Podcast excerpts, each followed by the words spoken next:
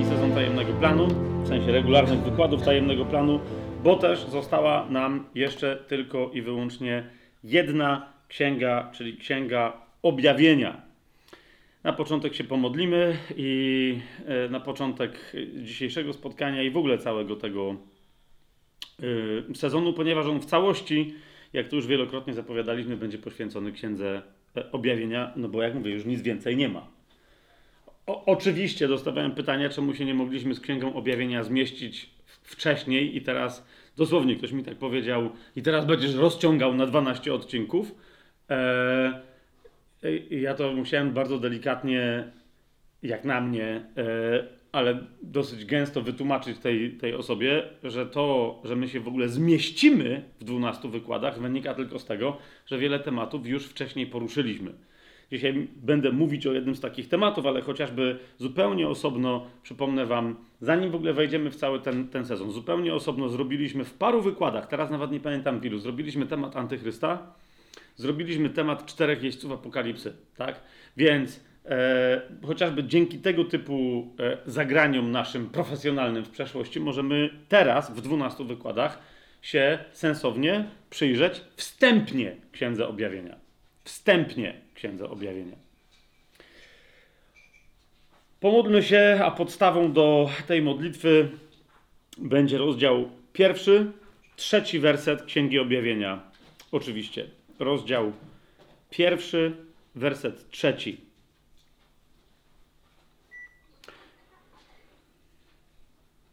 W ramach modlitwy Grażynce się włączył GPS. Niech, niech żyje.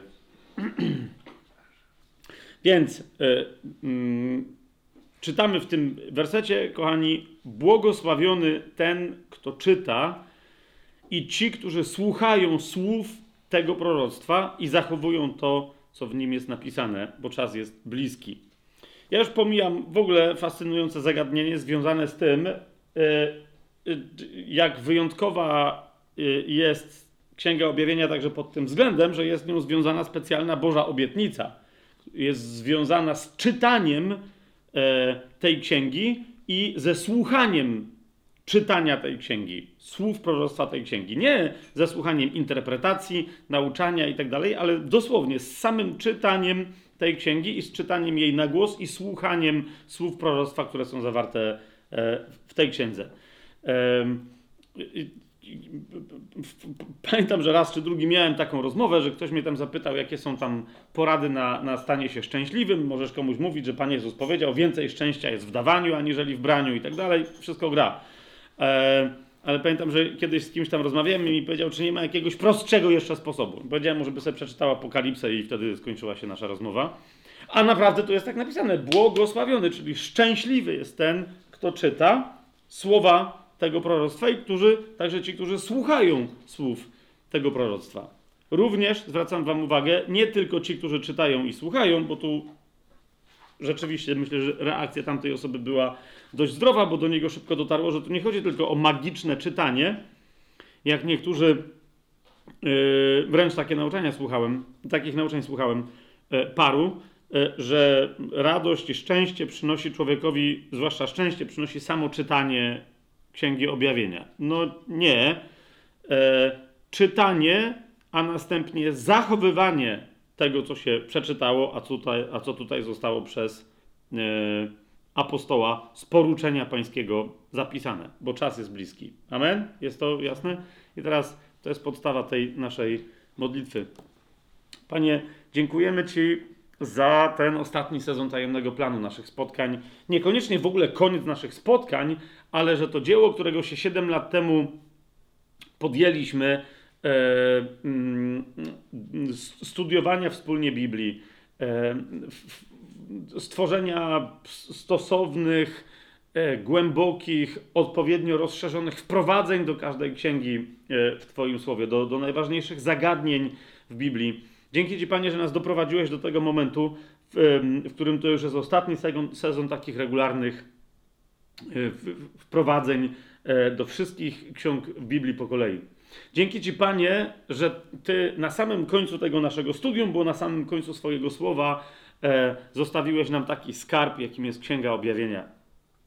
Dzięki Ci, Panie, za to, że my teraz możemy e, przez tych 12 najbliższych spotkań wsłuchiwać się w to słowo, które kazałeś tu zapisać.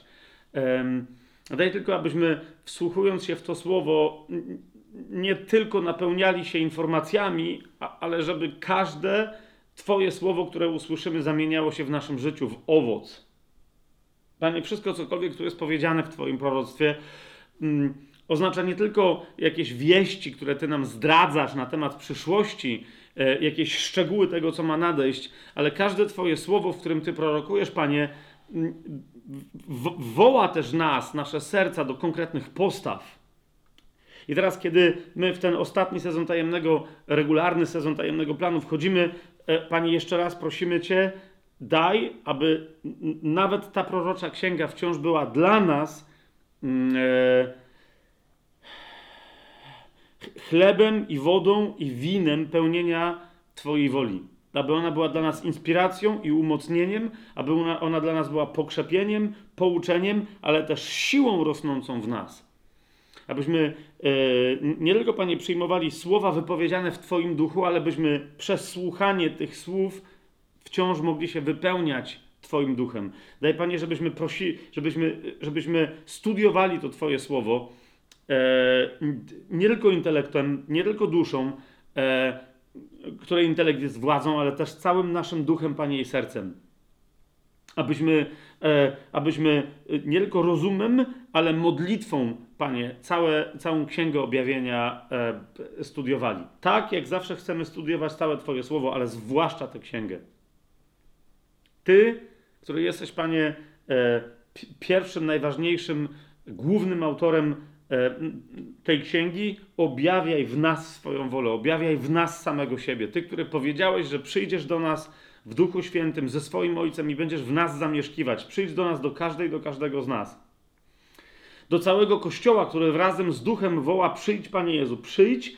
Wiemy, że na końcu czasów przyjdziesz, przyjdziesz po nas, aby nas pochwycić, aby nas przemienić na obłokach, aby tych, którzy będą martwi, aby wskrzesić z martwych. Panie, ale teraz w Twoim słowie przychodź do nas, prosimy Cię.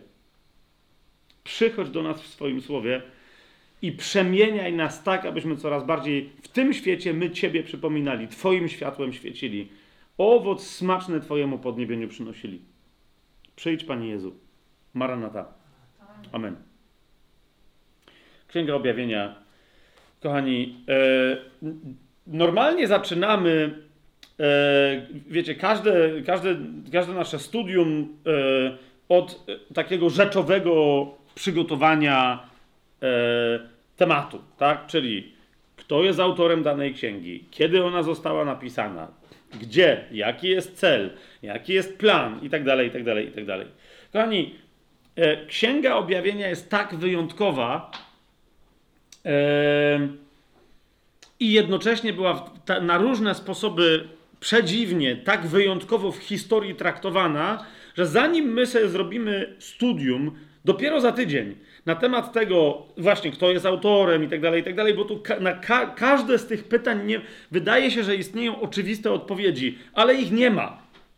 Na przykład, zobaczcie, e, jak mamy otwartą UBG, tak od samego początku, jak brzmi tytuł tej księgi e, w, w, w Biblii? Objawienie świętego Jana Apostoła. Zgadza się? A jak następnie brzmi, brzmią pierwsze trzy wyrazy tej księgi? Objawienie Jezusa Chrystusa, które dał mu Bóg dalej. Tak, ale tak? Dlaczego ta księga jest więc nazywana przez wieki księgą objawienia Jana Apostoła, kiedy jej tytuł brzmi Objawienie Jezusa Chrystusa? co się dzieje.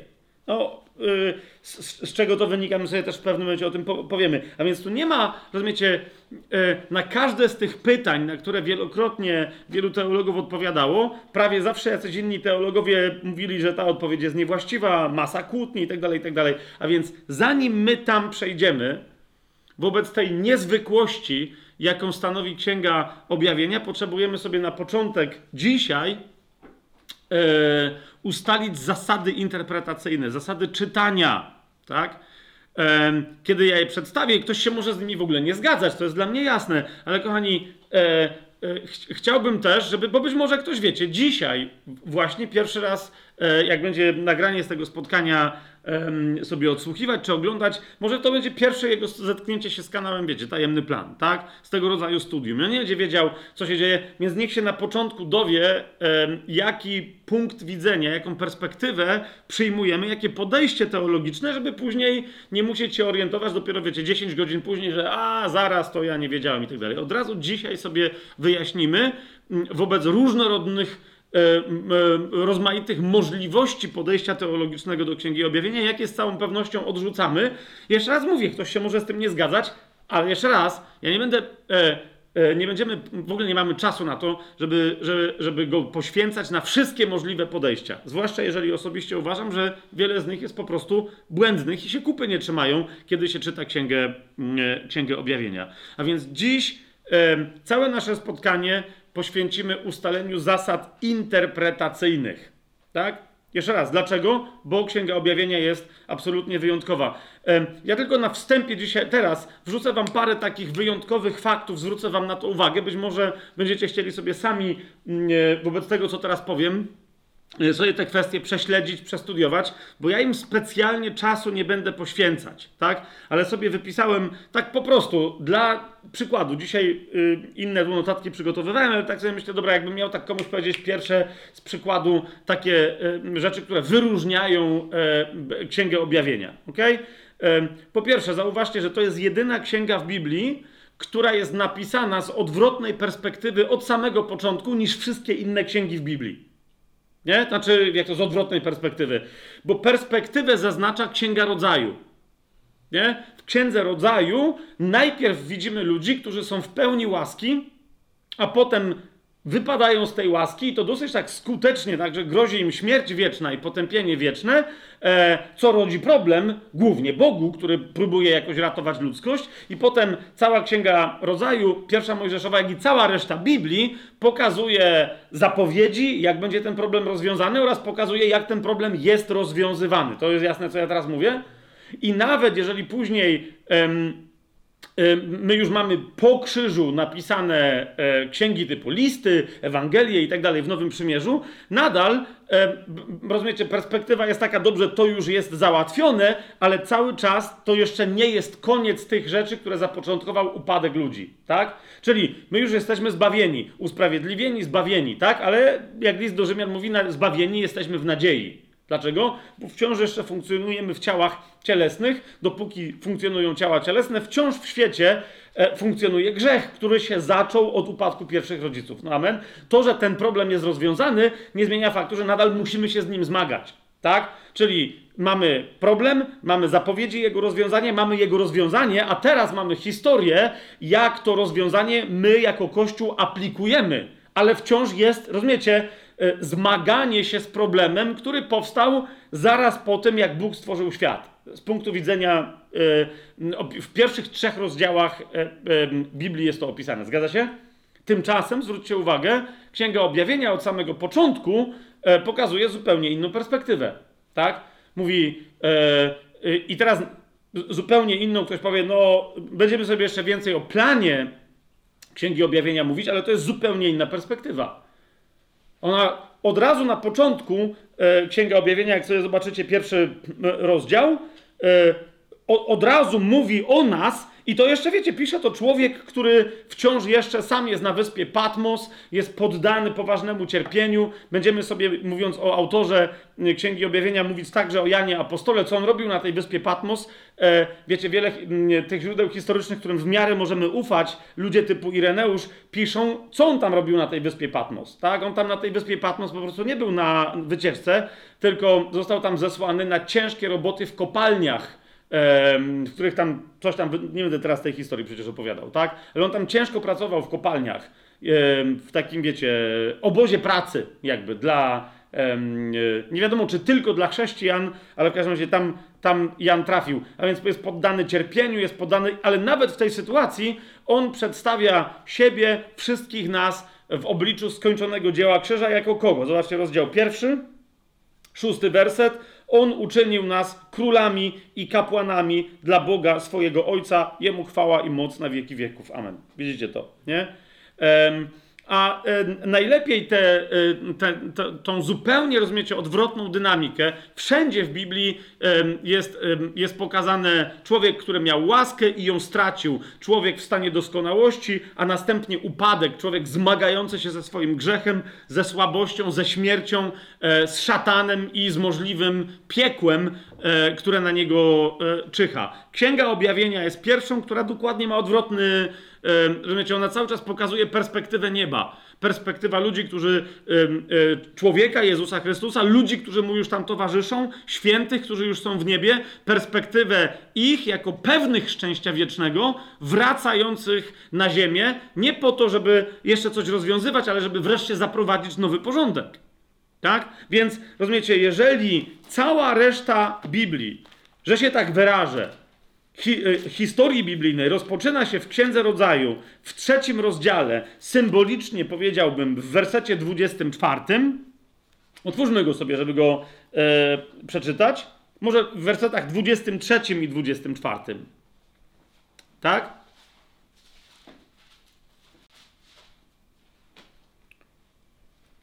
Jachwę Bóg wydalił go więc z ogrodu Eden, kogo? Adama czyli ludzkość całą, bo Adam oznacza całość ludzkości, tak? Mm, y, zresztą no wtedy cała, to była Adam i Ewa, to była cała ludzkość. Więc Jachwę Bóg wydalił y, człowieka z ogrodu Eden, aby uprawiał ziemię, z której został wzięty. Tak wygnał człowieka i postawił na wschód od ogrodu Eden cherubinów i płomienisty miecz obracający się we wszystkie strony. Po co? Uważajcie na to aby strzegły drogi do drzewa życia. Rozumiecie? Wszystko się zaczyna od drzewa życia, które przez ludzkość zostało utracone. Ludzkość zdradziła owoc drzewa życia na rzecz owocu e, z drzewa poznania dobra i zła. Amen? I cała reszta historii, ponieważ Bóg tego nie chciał dla ludzi. On powiedział wręcz, drzewo poznania dobra i zła to jest trucizna. Nie jedz z tego drzewa. Jedz zawsze z drzewa życia, bo ja chcę, abyś żył człowieku, moja córko, mój synu, na zawsze, tak? Ale ludzie to stracili, więc to jest perspektywa, tak? Cherubiny strzegące drogi do drzewa życia, żeby ludzie nie wiedzieli, gdzie drzewo życia jest, żeby nawet jak się dowiedzą przez jakąś formę gnozy, żeby nie byli w stanie tam wejść, żeby nie mieli mocy e, żyć wiecznie. Dlaczego? No bo w stanie, w jakim się znaleźli, nieposłuszeństwa Bogu, nienawiści, e, która za chwilę zaczęła przynosić owoce, pamiętacie Kaina i Abla i tak dalej, i tak dalej, tak? Grzechu wszelkiego rodzaju Bóg stwierdził, w takim stanie nie możecie żyć wiecznie. Dlatego, jeżeli poznaliście zło, to nie możecie żyć wiecznie. Niemniej, ja chcę, abyście byli żywi na wieki, więc jak sobie poradzimy ze złem? To jest cała reszta Biblii, tak? A zauważcie, jaka jest perspektywa Księgi Objawienia, tak? Już w Księdze Objawienia, zaraz na początku, która, który jest specyficznym początkiem, e, ponieważ pierwsze trzy rozdziały to są listy do kościołów, zanim zacznie się właściwe prorokowanie w Księdze Objawienia, ale już w drugim rozdziale, zobaczcie, w siódmym wersecie, y, tam gdzie się zaczynają obietnice dla wszystkich, którzy zwyciężą tak jak Jezus zwyciężył, dzięki e, wierze e, w Niego. Pierwsza z obietnic, która y, się pojawia, a więc otwarcie listy obietnic, które się tyczą łącznie wszystkich, brzmi: Kto ma uszy, niech słucha. To jest drugi rozdział, siódmy werset Księgi Objawienia. Kto ma uszy, niech słucha, co Duch mówi do kościołów. Temu, kto zwycięży, dam jeść z drzewa życia, które jest pośrodku raju Boga. Amen? I zauważcie, jak się kończy Księga Objawienia, to jest 22 yy, rozdział Księgi Objawienia, werset drugi, a po, yy, kiedy jest opisane Nowe Jeruzalem, niebieskie, tam y, rzeka wody życia, ale mamy w drugim wersecie napisane pośrodku rynku tego miasta, po obu stronach rzeki, rosło drzewo życia, przynoszące owoc dwunastu rodzajów, wydające swój owoc co miesiąc, a liście tego drzewa służą do uzdrawiania narodów. To jest werset drugi i jeszcze werset czternasty. Błogosławieni, którzy wypełniają Jego przykazania, aby mieli prawo do drzewo życia i aby weszli przez bramy do miasta. Nie? Czyli widzicie, perspektywa całej Biblii, jaka się otworzyła albo zamknęła, w zależności od tego, jak na to patrzymy. W trzecim rozdziale Księgi Rodzaju to jest perspektywa zamkniętej drogi do raju, ok? Księga Objawienia to jest perspektywa otwartej drogi do raju, tak? W środku którego stoi drzewo życia, które e, tak już zupełnie na marginesie e, rzucam wam taki temacik, bo wiem, że są tu niektórzy pasjonaci i może będą chcieli go, e, ten temat e, rozwikłać. Pamiętam kiedyś, kiedyś, kiedyś, dawno temu, e, jak ja tam sugerowałem, że być może e, drzewo z Księgi Pieśni nad Pieśniami, czyli jabłoń, może jednak symbolizuje i odnosi się jakoś swoim rodzajem do drzewa życia e, z raju, więc zasugerowałem, że to jednak może być jabłko. Nie? Na co Akurat myśmy rozmawiali na ten temat z, z, profesorem od hebrajskiego, ale przesłuchiwał się nam ktoś inny od żadnego języka, tylko po prostu teolog nowotestamentowy. Ja mówię, że to powinna być jabłoń, nie? A on mówi, no nie, bo przecież Biblia mówi wyraźnie, że to nie jest jedno gatunkowe drzewo. I myśmy we dwóch tak spojrzeli na niego, że co w ogóle, jak to, to jest dziesięciogatunkowe? On mówi, nie, dwunasto. No i nam otworzył dokładnie e, ten werset. Zobaczcie, jest wyraźnie powiedziane, 22 rozdział, drugi werset. Zobaczcie, czytałem go dopiero co przed chwilą. Niektórzy teraz widzę, że pierwszy raz na oczy to widzą. Nie? Jeszcze raz zobaczcie, co tu jest napisane. Drzewo życia przynoszące owoc dwunastu rodzajów. Więc to nie mogą być tylko jabłka. Jabłka, gruszki, granaty, śliwki, pomarańcze, i co tam jeszcze? No nie wiem, nektarynki, musi być ambrozyjki, no i jakieś tam, coś musi być tam wyjątkowego, nie? Drzewo życia przynosi owoc dwunastu różnych rodzajów. Zdumiewające. Oczywiście, że tak musi być, bo 12 jest konkretną liczbą, konkretną rzecz oznaczającą, ale nie dzisiaj się będziemy tym zajmować. Niemniej, jakby ktoś chciał zgłębić temat drzewa życia i co to znaczy, że przynosi owoc 12 rodzajów, no to jest, to jest genialne studium, mówię wam, genialne studium, e, jak się podejmie temat owocu. Owoc w Biblii jest zawsze owocem miłości lub życia. Nie? Jest zawsze w związku z tym owocem ducha, który e, rozlewa miłość Ojca w naszych sercach i który daje życie. Więc teraz zobaczcie, ile się tematów tutaj e, otwiera. Nie? Na przykład list do Galacjan, ale nie tylko. Kochani, więc y, to jest pierwsza rzecz, tak? Zupełnie inna perspektywa. Kolejna, ja teraz nie pamiętam, jak się ten, ten to był któryś tam z wybitnych, y, y, starożytnych, pierwszych ojców kościoła, tak zwanych, e, ludzi, którzy o Biblii pisali, ale nie pamiętam, który to był. Stawiałbym na papiasza, ale nie pamiętam, mogę się mylić. Jeżeli ktoś z Was wie, to albo niech mi teraz znaczy za, za, chwilę powie, albo nie wiem, niech napisze w komentarzach na YouTubie, tak? Bo naprawdę nie pamiętam. Ale w każdym razie któryś z nich powiedział, że Księga Objawienia jest pieczęcią całej Biblii. Nie, że ją zamyka, tak? Ale że ją, e, w sensie, że ją zam, że zamyka zrozumienie Biblii, ale że jest um, jakby zrobiona z laku, który, którego składniki są wyciągnięte z wszystkich innych ksiąg biblijnych, tak?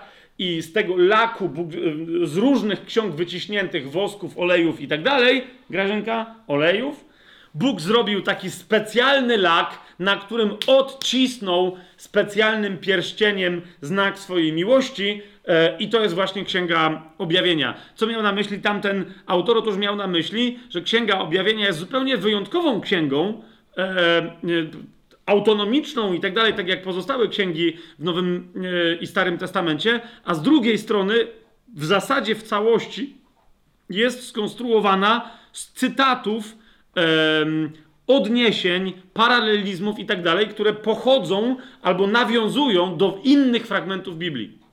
A więc tworzy swój, rozumiecie, Księga Objawienia swój autonomiczny przekaz, ale jednocześnie on się składa jakby, wiecie, E, no to jest tak, jak, jakbyście znaleźli jakiegoś genialnego DJ-a dzisiaj, który by e, wziął 500 najlepszych utworów wszechczasów i z nich skompilował jeden nowy, który by brzmiał jak żaden z tamtych 500 utworów. Ma, ma, ma to sens? To jest Księga Objawienia i w tym sensie chodziło o tą pieczęć całej y, Biblii. Grzegorz z Nysy, bo tego to już pamiętałem, inną rzecz genialną powiedział, e, która wiecie, mo możemy ją puścić mimo uszu, ale pomyślcie, nie? E, bo on miał na myśli parę przynajmniej znaczeń. Pomyślcie więc nad tym. Grzegorz Znesy powiedział, że Księga Objawienia to jest ostatnia księga łaski. Pomyślcie. Ostatnia księga łaski. Co to znaczy? No, chociażby odnosi się do, do chronologii pewnej dziejów, czyli mm, ona dokładnie opisuje koniec czasu łaski, roku, e, roku jubileuszowego, o którym Jezus czyta e, w czwartym rozdziale choćby e, Ewangelii Łukasza, czyta w synagodze, otwiera księgę Izajasza i zatrzymuje się tam, żeby zaznaczyć, że trwa teraz czas łaski, rok jubileuszowy, rok łagodności Bożej miłosierdzia Pańskiego, ale on się w pewnym momencie skończy. Ok? Eee, nikt, żadna inna księga, tak jak Księga Objawienia, nas nie zderza z tym faktem. Ok? Eee, oczywiście ludzie mówią zaraz, ale to jest najlepszy wyraz miłości, e, że my doświadczamy łaski. Pomyślcie. Nie? Ponieważ e, jeżeli my tak myślimy, to możemy nie zrozumieć w ogóle Księgi Objawienia, a Grzegorz Znesy świetnie to rozumiał. To jest ostatnia Księga Łaski, po której miłość będzie jeszcze lepiej objawiona niż przy pomocy łaski. Zwróćcie uwagę, łaska jest piękna, jest wspaniała, ponieważ demonstruje Bożą hojność, wspaniałomyślność i tak dalej, ale w obliczu czego? W obliczu grzechu i zła. Okay?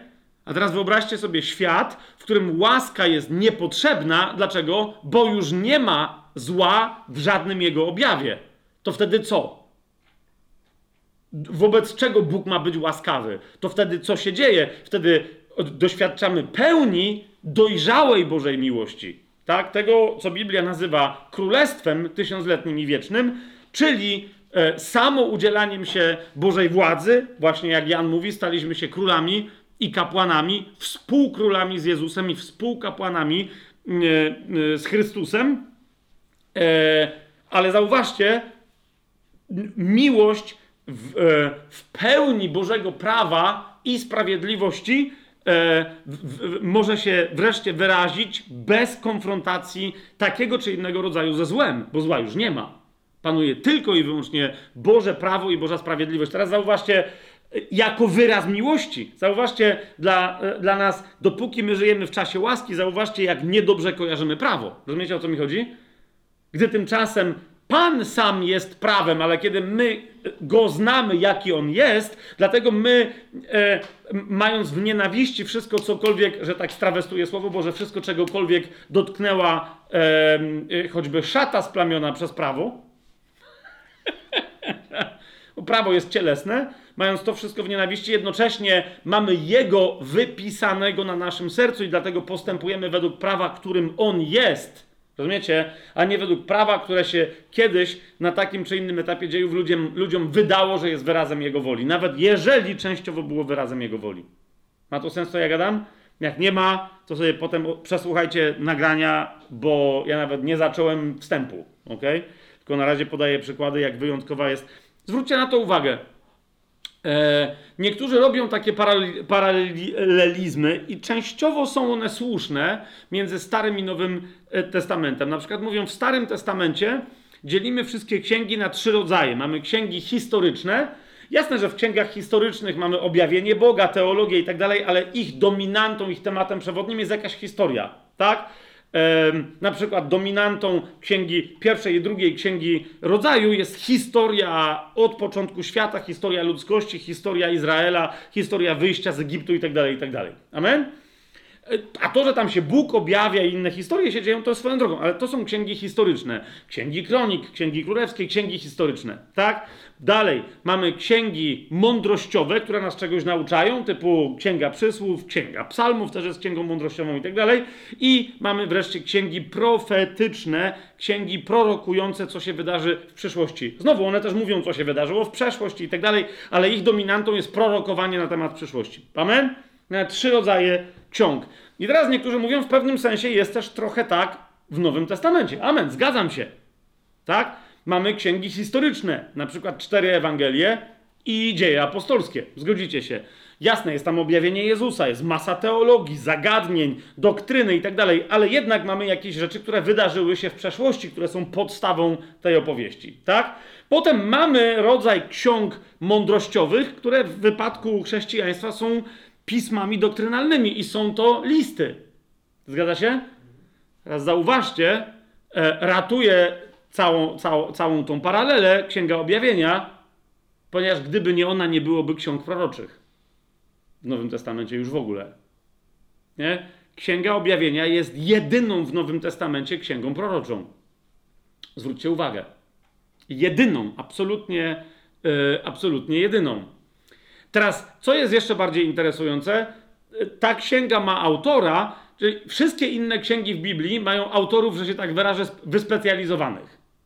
Nie? Czyli albo piszą księgi doktrynalne, albo piszą księgi historyczne. Na przykład zauważcie, Łukasz napisał e, e, Ewangelię swoją i napisał dzieje apostolskie. Tak? Mateusz, Marek napisali Ewangelię. Tak? Paweł pisał, e, Piotr i tak dalej, pisali listy, pisali pisma doktrynalne, ale nie napisali żadnej księgi historycznej. Zgadza się? Teraz zauważcie. Księgę Objawienia napisał a, czyli jedyną księgę proroczą napisał ten sam autor, który również napisał e, trzy listy doktrynalne oraz księgę historyczną, czyli Ewangelię Jana. Nie? I teraz jak niektórzy mówią, a to jest taka ciekawostka, nie, nie, nie, przyjrzyjcie się temu, bo to jest, to nie jest tylko ciekawostka. To, to autorstwo, rodzaj autorstwa ma absolutnie, yy, ma absolutnie yy, swoje yy, znaczenie. Oczywiście jeszcze raz, ja pomijam ten na razie ten znaczący fakt, ale już wam zwracam na niego uwagę, że właściwym autorem Księgi Objawienia nie jest Jan, chociaż on jest współautorem, ponieważ są pewne miejsca w tej księdze, w których, które on zresztą zaznacza i mówi: Ja, Jan, coś zobaczyłem. Czy to jest jasne? I teraz to są jego fragmenty, a więc nie ujmują one są dowodem na to, że on jest współautorem, tak? Ale zauważcie pierwsze zdanie tej księgi. Co to jest za księga? To jest objawienie Jezusa Chrystusa, objawienie, które Jezusowi dał Bóg, aby on je ukazał swoim sługom, a przez nie, aby pokazał, co się ma wkrótce stać. I on to pokazał i posłał przez swojego anioła swojemu słudze Janowi. Więc teraz zauważcie, e, w żadnej innej księdze nie mamy tak precyzyjnie opisanego, złożonego procesu e, natchnienia Bożego, ale tu ono jest dosyć dziwne, ponieważ znowu źródłem objawienia jest Bóg sam w sobie, który to udziela objawienia człowiekowi Jezusowi Chrystusowi. Tak? Niektórzy mówią, no w pewnym sensie tu Jezus sam sobie, no bo Jezus jest tym samym Bogiem, co Ojciec i co Duch Święty, bo Bóg jest jeden. Pamiętajcie, nie ma trzech bogów. Nie? Tak, zupełnie nawiasem mówiąc, ostatnio miałem parę ciekawych rozmów z chrześcijanami, którzy zaczynają sobie uświadamiać, że oni znają doktrynę i wiedzą, że Bóg jest jeden, tylko jest w trzech osobach. Ja się z samym tym opisem nie do końca zgadzam, bo my osoby nie rozumiemy, osób nie rozumiemy, koncepcji osoby nie rozumiemy tak, jak ją rozumie. Y, koncepcję istoty, jak rozumie język hebrajski. Teraz też się nie będę nad tym rozwodził, ale ludzie de facto odkrywają, że w zasadzie to wierzą w trzech bogów. Wierzą w Boga Ojca, wierzą w Boga Jezusa i wierzą w Boga Ducha Świętego. I kiedy nagle ja mówię, ale ty rozumiesz, że Duch Święty w całości to jest ten sam Bóg, co w całości Bóg Ojciec, czy co w całości Słowo Boże, to nagle są wstrząśnięci mówią zaraz. No właśnie, nie? Kiedyś to powiedziałem, jedna siostra, yy, swoją drogą z Czech siostra mi podziękowała za to, bo, bo mimo, że jest Czeszką, ale świetnie zna polski i dla, dla niej to było objawienie, kiedy powiedziałem, yy, że Bóg jest jeden, który się, który, y, który się objawia w trzech sp osobach. Który się objawia na trzy sp osoby. Tak? Nie, że jest jeden w trzech osobach. Z całym szacunkiem, ale rozumiecie, osoba jest pewną całością. Więc jeżeli Bóg e, ma trzy osoby, to jest trzech bogów. Pamiętajcie, Bóg jest jeden. ok? A te, te jego sposoby istnienia to są te osoby, o których my myślimy, te sposoby nieistnienia, ale objawiania się są absolutnie autonomiczne, ale Bóg jest wspólnotą, jest jak niektórzy powiadają w teologii, jednią osobową. Tam nie ma trzech różnych e, autonomicznych oso, osobowości. Okay? Bóg też nie jest jeden, nie, nie jest schizofrenikiem czy kimś, wiecie, z rozszczepieniem osobowości, że raz ma taką, raz ma śmaką, tak? Natomiast w ramach tej jedności Boga osoba ludzka Jezusa Chrystusa jest dopiero zdumiewającym zjawiskiem. Bo rozumiecie, to jest Bóg, który jest jednym w sobie z, z, Ojcem i z Duchem, ale który w tej konkretnej jednym, w tym jednym przejawie, w tym jednym sposobie swojego objawiania się stał się człowiekiem. To jest dopiero odlot, tak? Więc ten jeden Bóg sam sobie jako człowiekowi objawia, bo on jako człowiek, rozumiecie, przyjął na siebie wszystkie możliwe ludzkie ograniczenia, tak? Yy, więc jeżeli on powiedział, że o owym dniu swojego powrotu nikt nie wie, tylko ojciec, nawet on nie wie, to to jest prawda, że on jako człowiek nie wie. Tak? I teraz o co chodzi? Ojciec objawia to nie swojemu boskiemu synowi Logosowi, ale objawia to człowiekowi Jezusowi Chrystusowi, który jest pośrednikiem między Bogiem a całą ludzkością. Dlatego też Paweł, pisząc do Tymoteusza, nazywa, mówi, że jest jeden pośrednik między Bogiem a ludźmi, człowiek Chrystus Jezus. Czy to jest jasne? Tak? Rozumiecie o co chodzi? To jest tam zaznaczone, że nie może być pośrednikiem między Bogiem część Boga. To jest bez sensu. Bo to jest cały jeden Bóg, tak? Ale ta konkretna osoba, która stała się naczyniem wcielenia, e, Jezus Chrystus, która stała się naczyniem wcielenia dla Logosu, dla drugiej sposoby Trójcy Świętej, okay? ta osoba jest, jest ludzka i ona jest pośrednikiem, w pełni ludzka, ona jest pośrednikiem między całą ludzkością i całym Bogiem. Czy to jest jasne? Ok. I teraz ta osoba otrzymuje objawienie, tak? O czym jest to objawienie, to dzisiaj sobie między innymi e, powiemy. I teraz uważajcie, tu się pojawia kolejny współautor, mianowicie posłaniec, którego Jezus z tym objawieniem wysyła do jeszcze następnego współautora, czyli do Jana. Zauważcie, Jan w paru momentach mówi: Ja, Jan, w księdze objawienia, zobaczyłem to, doświadczyłem tamtego, i tego anioła, o którym my tu y, y, słyszymy, że go Jezus posłał, my go też spotykamy yy, któremu zresztą pamiętacie, Jan się próbuje kłaniać, a ten mówi, co ty robisz? Tak? Ja nie jestem Bogiem. Więc rozumiecie, to nie jest ani symbol Ducha Świętego, ani symbol Jezusa. To jest jakiś konkretny anioł, istota duchowa, która przychodzi posłana od Jezusa do Jana, człowieka Jana, żeby mu przekazać objawienie, które oryginalnie otrzymał Jezus. A więc to, co do tego e, objawienia, w sensie komentarz pewien, Janowi wolno dołożyć. Czy to jest jasne? tak?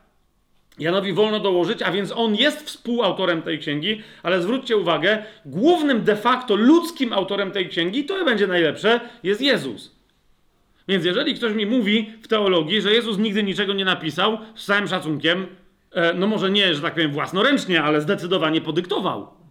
Tak? I to jest dokładnie księga Księga Objawienia. Nie tylko pierwsze trzy rozdziały, e, zwłaszcza drugi i trzeci, czyli listy do kościołów, ale to jest cała ta, cała ta księga. Ok?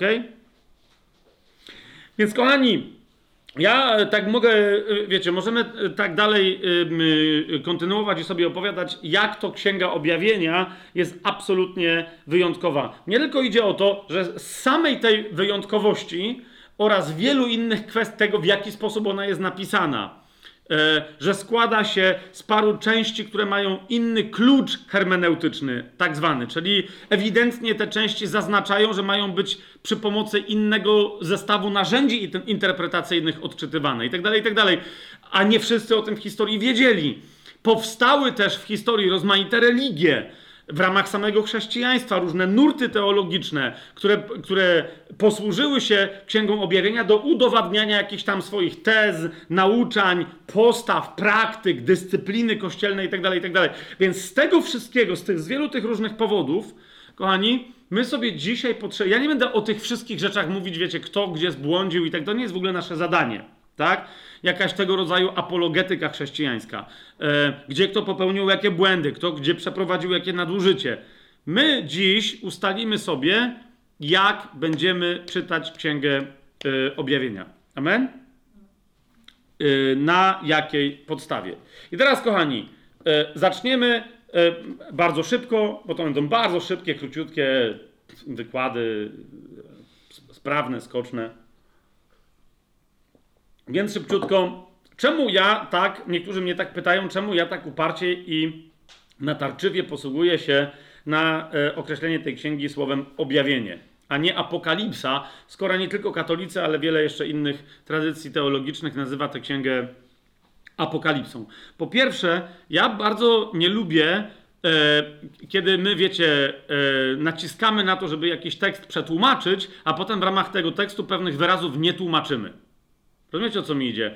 Bo wtedy bardzo łatwo jest te, te nieprzetłumaczone wyrazy wypełnić nową definicją, która jest niezgodna z tym, jak, jak ktoś e, e, e, z definicją, którą się ktoś w oryginale posłużył. Czy ma to sens, co mówię, tak? I mamy wiele przykładów tego rodzaju błędu, nieświadomie albo celowo zastosowanego w ramach tłumaczeń. Wyrazy typu presbiter, E, diakon, biskup, e, wiecie o co mi chodzi, które mają zupełnie swoje znaczenie w Biblii, a potem ktoś nagle wymyśla im nowe znaczenie, zostawiając je nietkniętymi, mówiąc, to jest dokładnie to, co jest w Biblii napisane. To jest dokładnie ten wyraz, nawet nie przetłumaczony, tylko z podmienioną definicją. I teraz, kochani, dlaczego nie apokalipsa?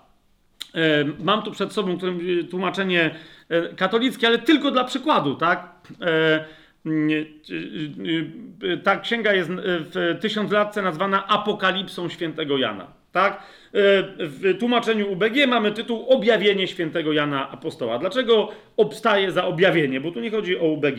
Otóż, kochani, we współczesnym języku dzisiaj wyraz apokalipsa e, ma swoje specyficzne znaczenie i mnóstwo z tym znaczeniem, y, mnóstwo konotacji z rozmaitymi, wiecie, wyobrażeniami. Tak? E, apokalipsa zasadniczo dzisiaj, e, nawet kiedy ty wiesz, że jest księga w Biblii i tak dalej, oznacza co? Oznacza koniec świata. Tak? Lub zagładę ludzkości. To, to jest to. Mamy całe, wiecie, y, żyjemy w kulturze, w której kiedy powiesz komuś niechrześcijan, kto nie wierzy na sposób chrześcijański, ale nawet wierzy, tak, że przeczytałeś jakąś książkę i, się, i ty go pytasz, jaka to jest książka i on ci powie, że to jest literatura apokaliptyczna, tak? Dobra, przeczytałeś może Księgę Objawienia, ale ten ktoś myśli, że przeczytałeś coś o pandemii y, jakiejś, o, o zombich, o tym, że, no wiecie, że spadła jakaś asteroida na Ziemię, o katastrofie jakiejś, tak? Która dotknęła całą ludzkość. Więc to jest koniec świata, który albo doprowadził do zagłady całej ludzkości, lub też taki koniec znanego nam świata, który doprowadził do, do upadku cywilizacji, jaką znamy, i, i, doprowadził prawie że do zagłady ludzkości. Stąd mamy też literaturę, filmy, wszelkiego rodzaju twórczość, gry postapokaliptyczne, osadzone w rozmaitych postapokaliptycznych światach. Co to znaczy? Że się odbyła apokalipsa, a ktoś ją przeżył? Dokładnie tak. Nie? Że się rozpę... że, że nie wiem, żywe trupy wyległy, albo martwe psy, albo no coś tam jeszcze, jakieś tam rzeczy się podziały i zostało bardzo niewielu ludzi i teraz się dowiadujemy, jak ci ludzie walczą dalej o swoje, w ogóle o, swoją, o swoje człowieczeństwo i o to, żeby gatunek ludzki przetrwał. Zgadza się?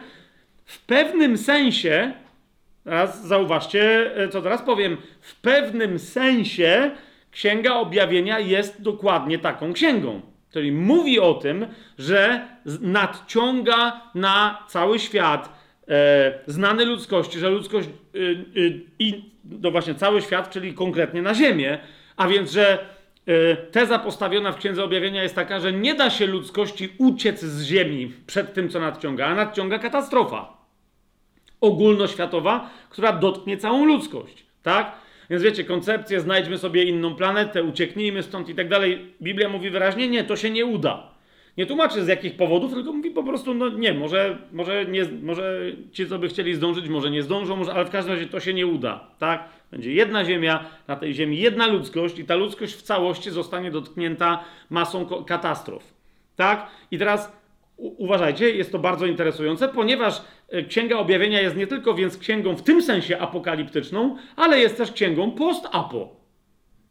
Dlaczego? Ponieważ, będziemy o tym mówić nie dzisiaj, ale już dzisiaj to zaznaczam, ona mówi o tym nie tylko, że się świat skończy i będą zmartwychwstali ludzie i wszyscy pójdą do nieba, nie.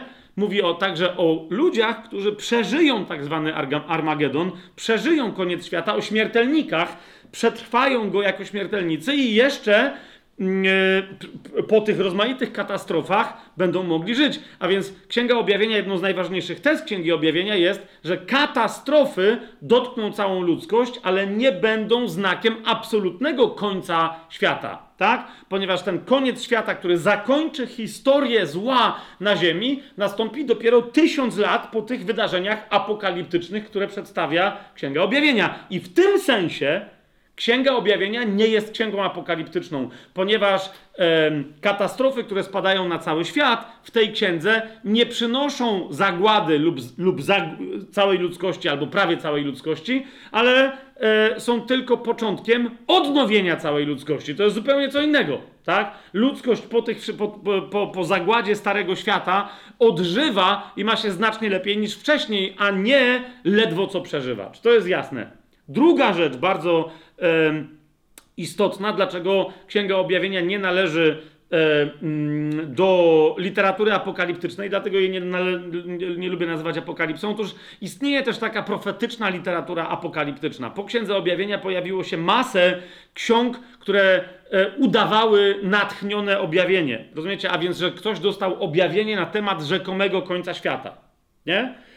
I to się nazywa liter... Zresztą przed Księgą Objawienia um, um, judaizm znał masę takich ksiąg. Objawienie tego, objawienie tam, y, apokalipsa tego, apokalipsa tamtego i tak dalej, i tak dalej. Ale czym się różnią te wszystkie apokalipsy od Księgi Objawienia? I to jest bardzo istotne dla nas, jako dla czytelników tej księgi. Otóż celem ich wszystkich de facto jest przerażenie czytelnika tym, co nadciąga.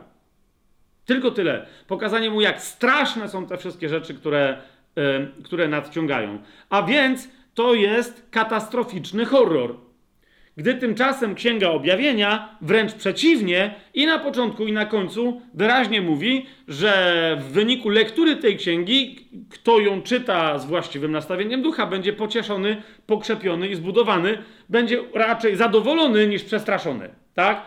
Księga Objawienia, kochani, nie jest księgą straszącą, ale jest księgą pocieszenia jest księgą konsolacyjną pod każdym absolutnie względem. Jeżeli jesteś chrześcijanką, jesteś chrześcijaninem, boisz się czytać Księgi Objawienia, to się zastanów nad swoją wiarą, ponieważ e, jest to znak pobłądzenia w wierze. Je, może tak być, że się boisz, co tam przeczytasz, to zacznij czytać, zobaczysz, że, że będziesz pocieszona, czy będziesz pocieszony. Jeżeli ktoś mi powie, no a ja czytam i dalej się boję, to jeszcze raz ci mówię, jest coś niekoniecznie, jest problem z, no, z twoim nowonarodzeniem, tak? Ale mówię ci, zastanów się nad tym, w co wierzysz, do, do wiary, w co ym, skłaniasz swoje serce.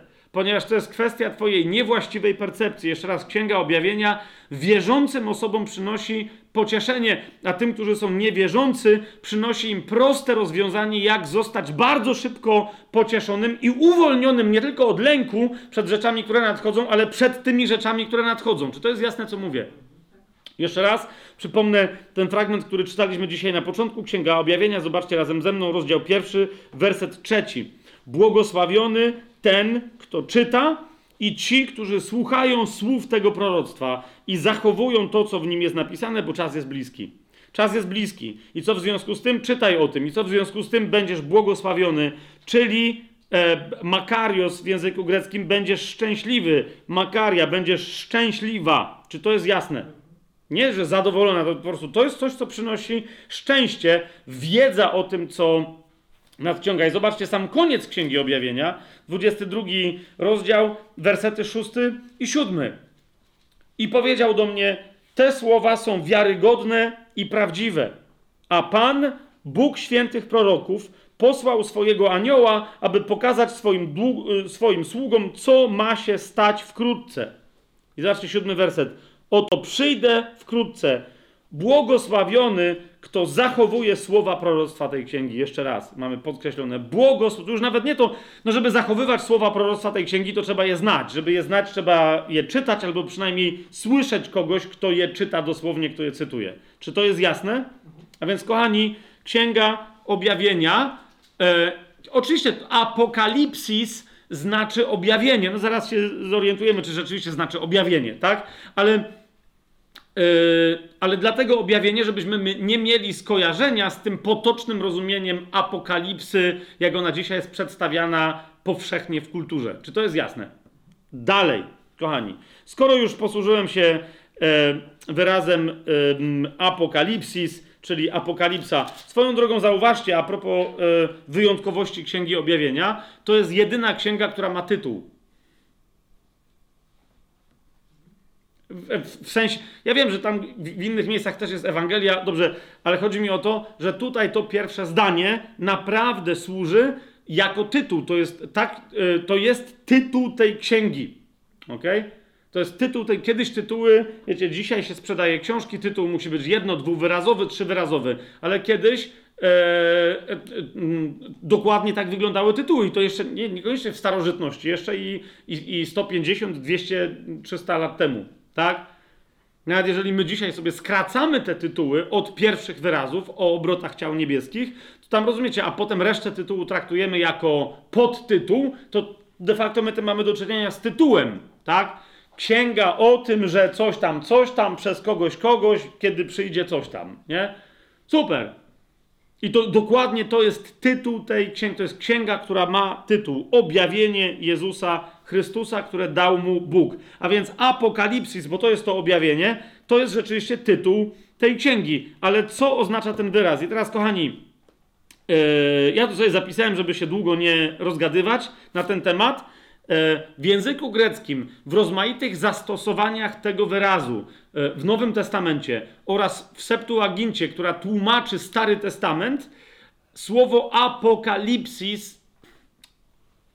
Teraz, zanim pomyślicie sobie, że trochę się czepiam w tym momencie, proszę Was, zwróćcie uwagę, jaką definicję teraz podam i czym się to różni od słowa objawienie.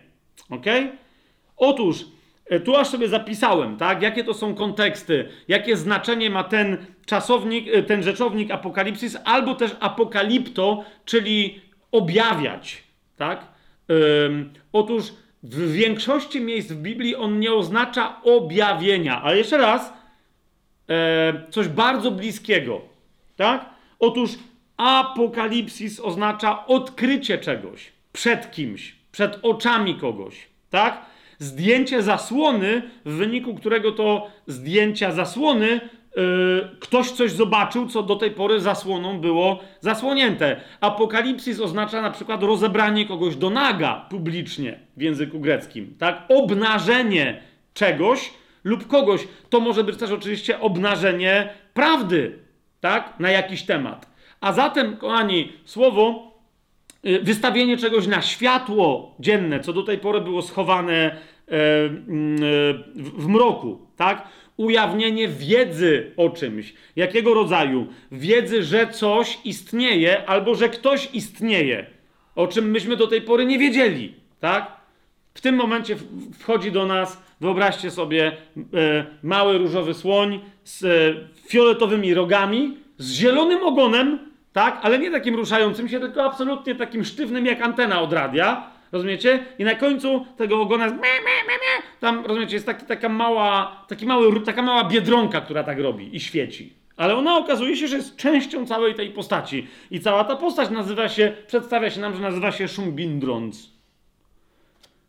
No to ja teraz to oczywiście wymyśliłem, nie ma takiej, ale gdyby się coś takiego zdarzyło, to byśmy mieli wtedy, rozumiecie, apokalipsę byśmy wtedy dokładnie mieli. Znaczy, bo byłoby, wow, nie wiedzieliśmy, że coś takiego istnieje i teraz to widzimy. E, ma to sens, co, co, co, co mówię? Okej, okay. to jest także objawienie wiedzy, ujawnienie jakiejś ym, wiedzy, nie, że coś istnieje, ale w jaki sposób coś istnieje, na temat czegoś lub kogoś, okay? której do tej pory nie mieliśmy. A zatem, kochani, jest jeden wyraz w języku polskim, który znacznie bardziej pasuje do, czyli że coś lub ktoś istnieje, jak ktoś lub coś działa, o czym nie wiedzieliśmy, że jest zasadą, e, jak wygląda w świetle i tak dalej, i tak dalej. Jasne? Więc kochani, istnieje taki wyraz i ten wyraz to nie jest objawienie, ale ujawnienie. Ok? I to jest oryginalne znaczenie słowa apokalipsis. To jest ujawnienie prawdy na jakiś temat, ujawnienie kogoś lub czegoś, kto do tej pory był niejawny. Czy to jest jasne, co teraz pojawia? Ta, to słowo, zresztą objawienie też oznacza, że coś się pojawia na jawie, widoczne dla oczu. tak? Ale tu chodzi o to, że coś było celowo ukryte i zostało teraz dopiero ujawnione, przez kogoś schowane, a teraz wyjęte yy, z tego schowka. Teraz, jeżeli ktoś z Was już zapytuje się, dobra, co za różnica, zwróćcie uwagę, że istnieje różnica między słowem ujawnienie a objawienie. Ok? Otóż objawienie to jest ujawnienie, którego może w naszym rozumieniu chrześcijańskim, ale de facto nie tylko, to jest to, objawienie to jest ujawnienie dokonane w sposób nadprzyrodzony. Tak? Ujawnienie dokonane przez Boga lub przez któregoś z jego e, aniołów, ale z woli Bożej. Czy zgodzicie się z tym, co teraz, e, z tym, co teraz mówię? Tak? I w tym sensie Apokalipsis to jest księga objawienia, ale chcę Wam zwrócić na co uwagę, że my, bo my często w chrześcijaństwie mówimy, wiecie, że objawienie to jakby to jest taka specjalna interwencja w człowieku dokonana, że ktoś miał swoje objawienie i on się potem nim dzieli, miał, wiecie, widzenie anioła czy czegoś, ale inni tego. Nie, nie. Chodzi o to, że księga objawienia, według mnie powinniśmy pamiętać w głowie, że to jest objawienie, czyli to jest ujawnienie, którego dokonał Bóg, ale tak, że następnie każdy, kto się zetknie z tym, co zostało tu ujawnione, kiedy zrozumie, jak Bóg działa, jakie są jego intencje, to będzie miał ujawnione to, co Bóg ujawnił. Czy to ma sens, co ja teraz, co ja teraz yy, yy, powiedziałem, czy nie? Zobaczcie, yy, więc rozumiecie, my, żebyśmy nie przy... O, objawienie to jest ujawnienie, którego dokonuje Bóg, ale pamiętajcie, że my często jakby właśnie z tego robimy takie coś bardzo osobistego, tymczasem Bóg pewne rzeczy ujawnia, a więc dokonuje objawienia absolutnie publicznego, otwartego także dla ludzi niewierzących. Jasne? Zauważcie, jak y, wygląda pierwsze zastosowanie czasownika y, apokalipto, czyli ujawniać w Nowym Testamencie. Otwórzmy sobie Ewangelię Mateusza, żebyście zobaczyli, bo nie chcę mi się, wiecie, teraz podawać masy innych przykładów, ale to jest bardzo ważne, gdy chodzi o rozumienie Księgi Objawienia, nie? Że to jest księga, która sama z siebie coś ujawnia. Ja już na wstępie, wiecie, przychodzą ludzie i mówią, Księga Objawienia to jest objawienie, które otrzymał Jan. Ale żebyś ty zrozumiał tą księgę, to ty też musisz mieć objawienie. Ty nie masz, ale ja mam i ja ci teraz się. Wie, wiecie o co mi chodzi? Jest cała taka mistyka, że zielony kolor oznacza to, a coś tam, a mi pan pokazał, że tu, a liczba 666 jest związana z tamtą, a 7 plus 12, a minus 5 plus 4. Rozumiecie? I ty mówisz, okej, okay, co? Rozumiesz? Nie, nie, nie, nie, nie. Pamiętaj, jeżeli coś jest ujawnione, to nie specjalnie tylko przed Twoimi oczami, ale przed wszystkimi oczami, które widzą. Czy to jest jasne? Nie? Dobra, więc zobaczcie, jak Pan Jezus się posługuje tym czasownikiem apokalipto. Na przykład y, pierwszy raz, zasada pierwszego zastosowania Ewangelia Mateusza, dziesiąty yy, rozdział, 26 werset. Pan Jezus mówi tak: Dlatego nie bójcie się ich. Nie ma bowiem nic ukrytego, co by nie miało być ujawnione. Widzicie to? Jest proste. Co to jest ujawnienie?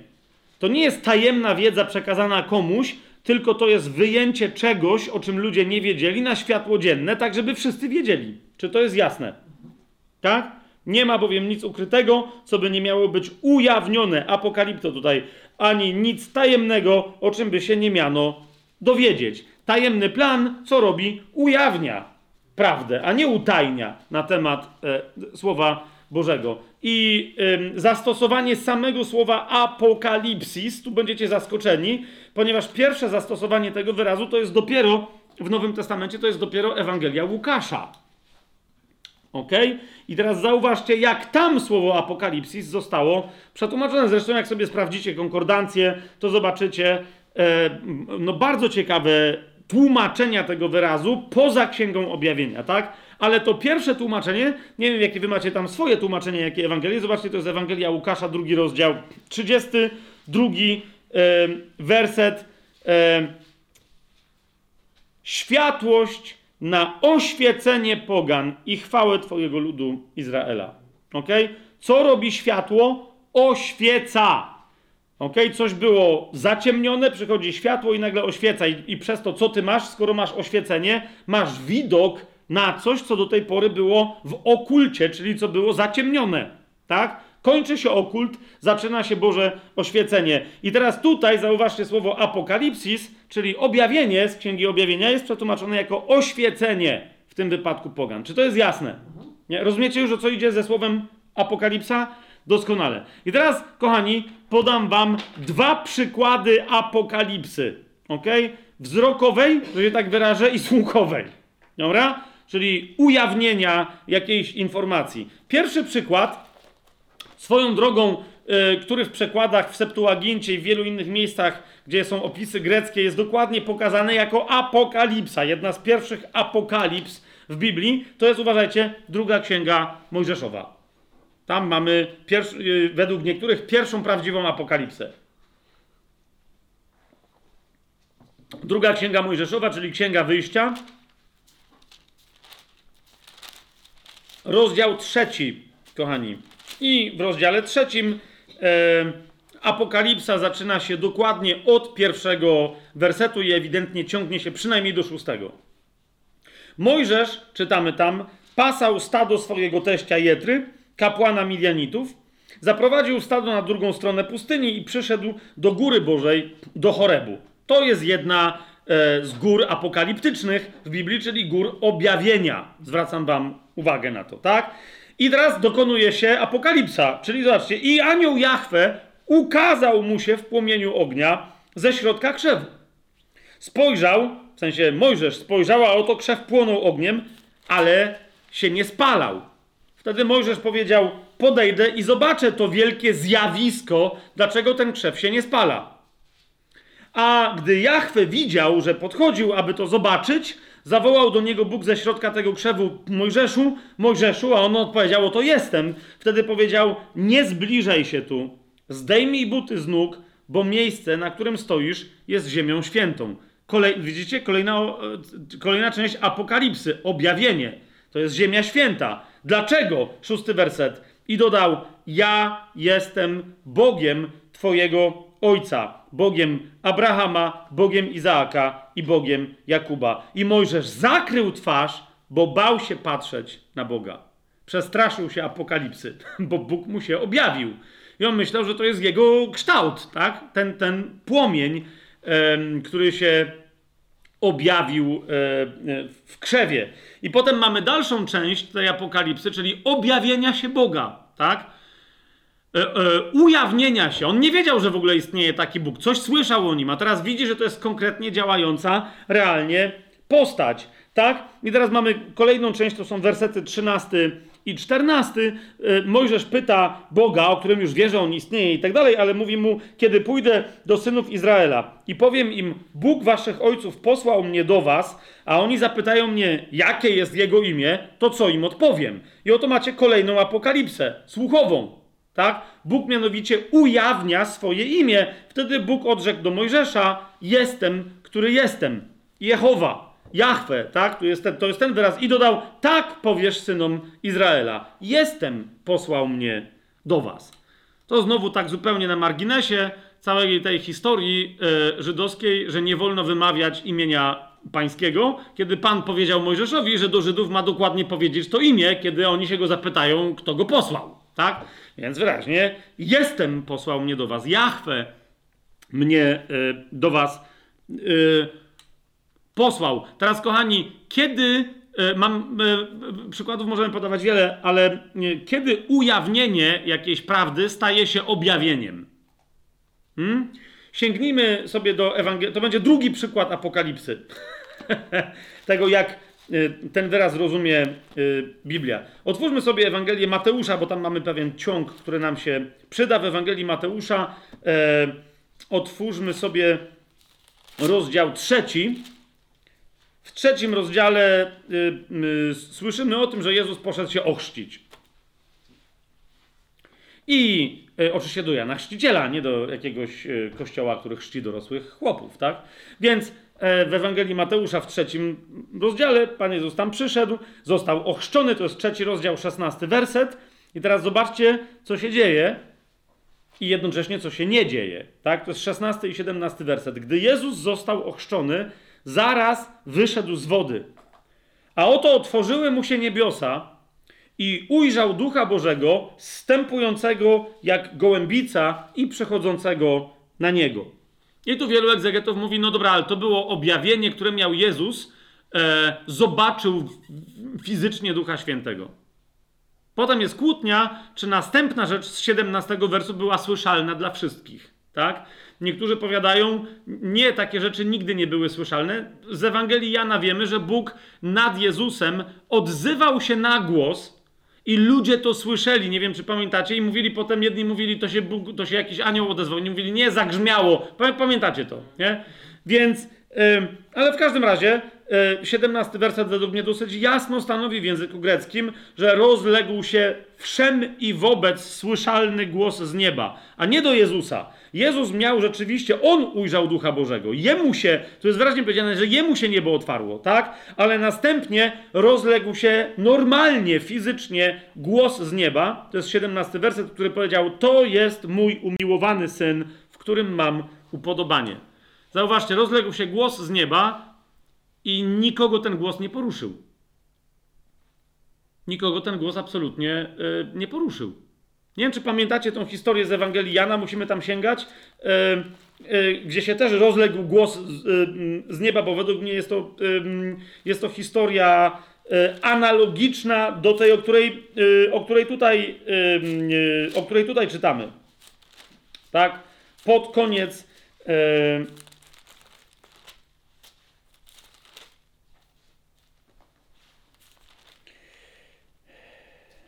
Dobrze, okej, okay, okay, żebyśmy zostali w ciągu. Ale, ale w każdym razie w Ewangelii Jana, jak coś, to sobie potem do tego jeszcze y, wrócimy. Jest mowa o tym, że się rozległ głos i ludzie się kłócili o to, co to było nad Jezusem. Tak? Ale zostańmy tutaj. Czyli rozlega się głos, trzeci rozdział Ewangelii Mateusza, 17 werset, który mówi: To jest mój syn.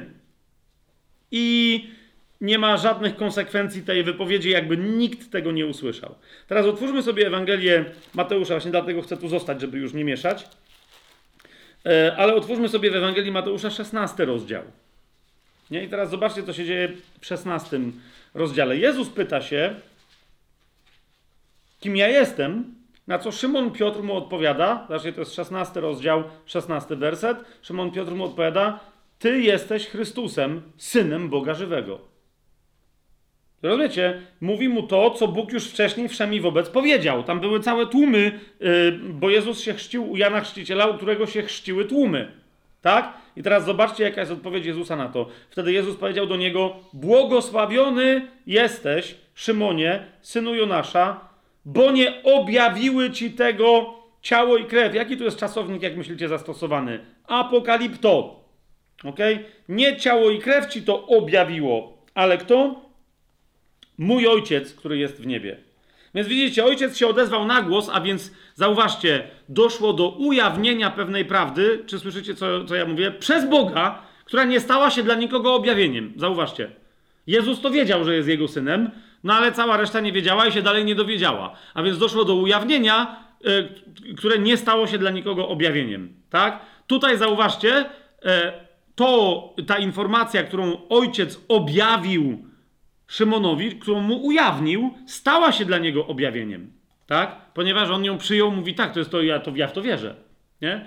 Teraz zauważcie, e, Jezus mu mówi, to było prawdziwe objawienie, ojciec ci to yy, objawił, nie mógł ci znikąd, z żadnego innego źródła nie mogłeś tego wiedzieć. Zauważcie, rozdział dalej, znowu dzieje się taka sama rzecz, jak w trzecim rozdziale. W siedemnastym rozdziale Ewangelii E, Mateusza czytamy, e, że tam e, Jezus się w, w oczach swoich uczniów przemienił. No pamiętacie całą tą historię.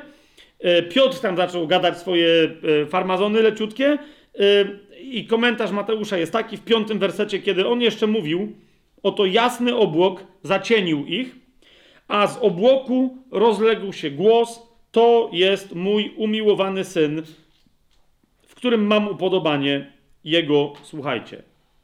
Widzicie, znowu, znowu, teraz no nie wobec tłumów, ale wobec Piotra, Jakuba i Jana odzywa się głos i teraz zauważcie, czy oni go posłuchali? W szesnastym rozdziale Piotr ma objawienie, ty jesteś synem Bożym. Tu Bóg mówi, że to jest mój syn, ale zauważcie, jaki jest dalej kontekst. Oni dyskutują z Jezusem, ale nie ma reakcji, z wyjątkiem strachliwej reakcji. Uczniowie słysząc to upadli na twarz i bardzo się bali. Nie wiem, czy rozumiecie. Ma, co jest strasznego w tym, że ty nagle się dowiadujesz, że ojciec ma syna i że to jest Jezus i to jest jeszcze w dodatku twój dobry przyjaciel, który cię wyróżnia, żeby pójść z nim na jakąś górę i żeby zobaczyć takie cuda. Nie? Doszło do ujawnienia, ale w tym wypadku znowu nie doszło w ich sercach do objawienia. Czy to jest jasne? Tak? Więc teraz, em, kochani, powiem jeszcze jedną rzecz, żebyśmy sobie wyjaśnili, jakiego rodzaju ujawnieniu, objawieniem jest Apokalipsa, czy też Księga Objawienia Jana y, Apostoła.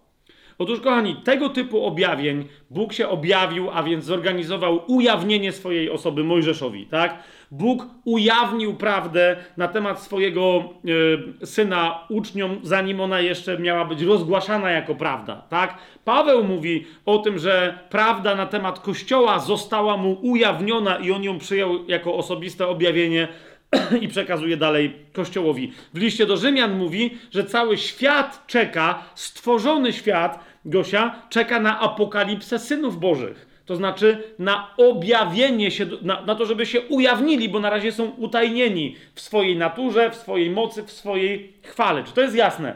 Tak? Ale kochani, słowo apokalipsis w Biblii oznacza jedno szczególne, absolutnie wyjątkowe ujawnienie się kogoś jednorazowo. Ok? Jednorazowo. Chodzi mianowicie o powtórne przyjście Chrystusa. Tak?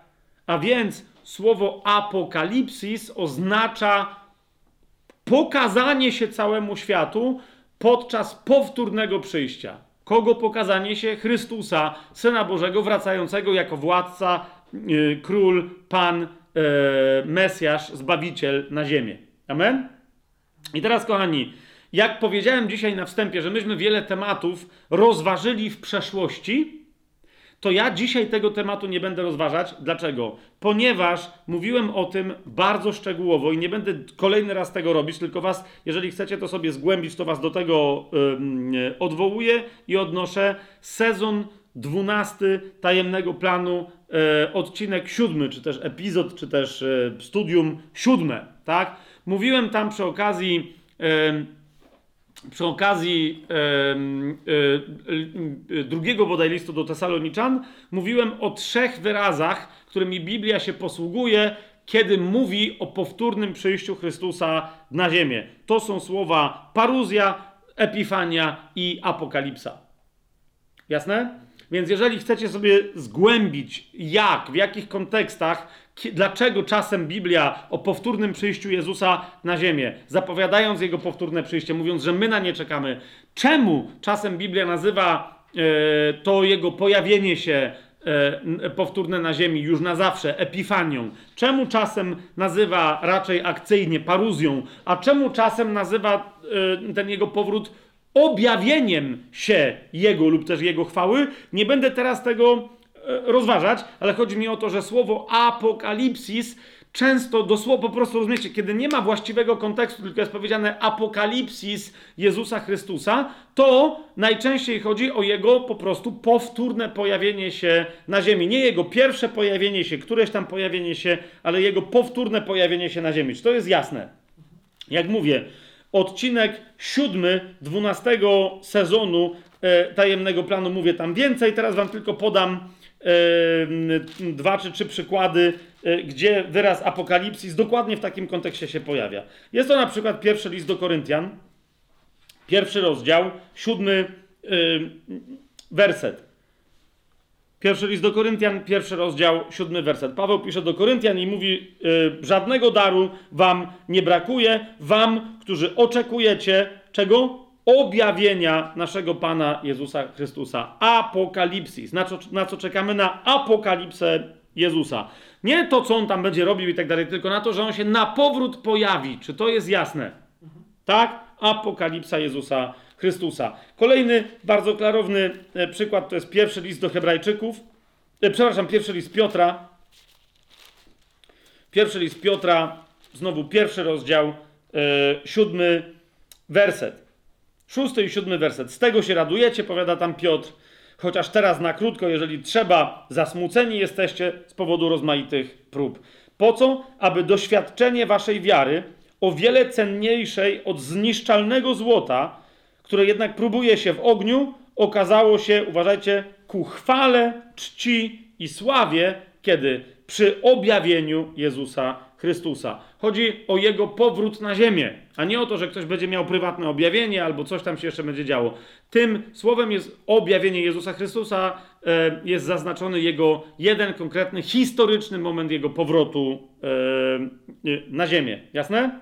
Trzynasty E, werset dlatego, tego pierwszego rozdziału pierwszego listu Piotra, dlatego przepaszcie biodra waszego umysłu i bądźcie trzeźwi, pokładając doskonałą nadzieję w łasce, która będzie wam dana, kiedy przy objawieniu Jezusa Chrystusa. Kolejny raz, czyli kiedy Jezus wróci e, na ziemię. W tym samym pierwszym liście Piotra, jeszcze e, czwarty rozdział, trzynasty werset ale radujcie się z tego, że jesteście uczestnikami cierpień Chrystusa, abyście i podczas objawienia Jego chwały cieszyli się i weselili. To jest znowu apokalipsa Jego chwały. Mamy jasność? Teraz, więc słowo apokalipsa sama z siebie, e, samo z siebie oznacza powtórne przyjście Jezusa na ziemię. I teraz, kochani, zauważcie, co się dzieje w księdze więc objawienia, jakie tu mamy podwójne złożenie tego wyrazu. Ok?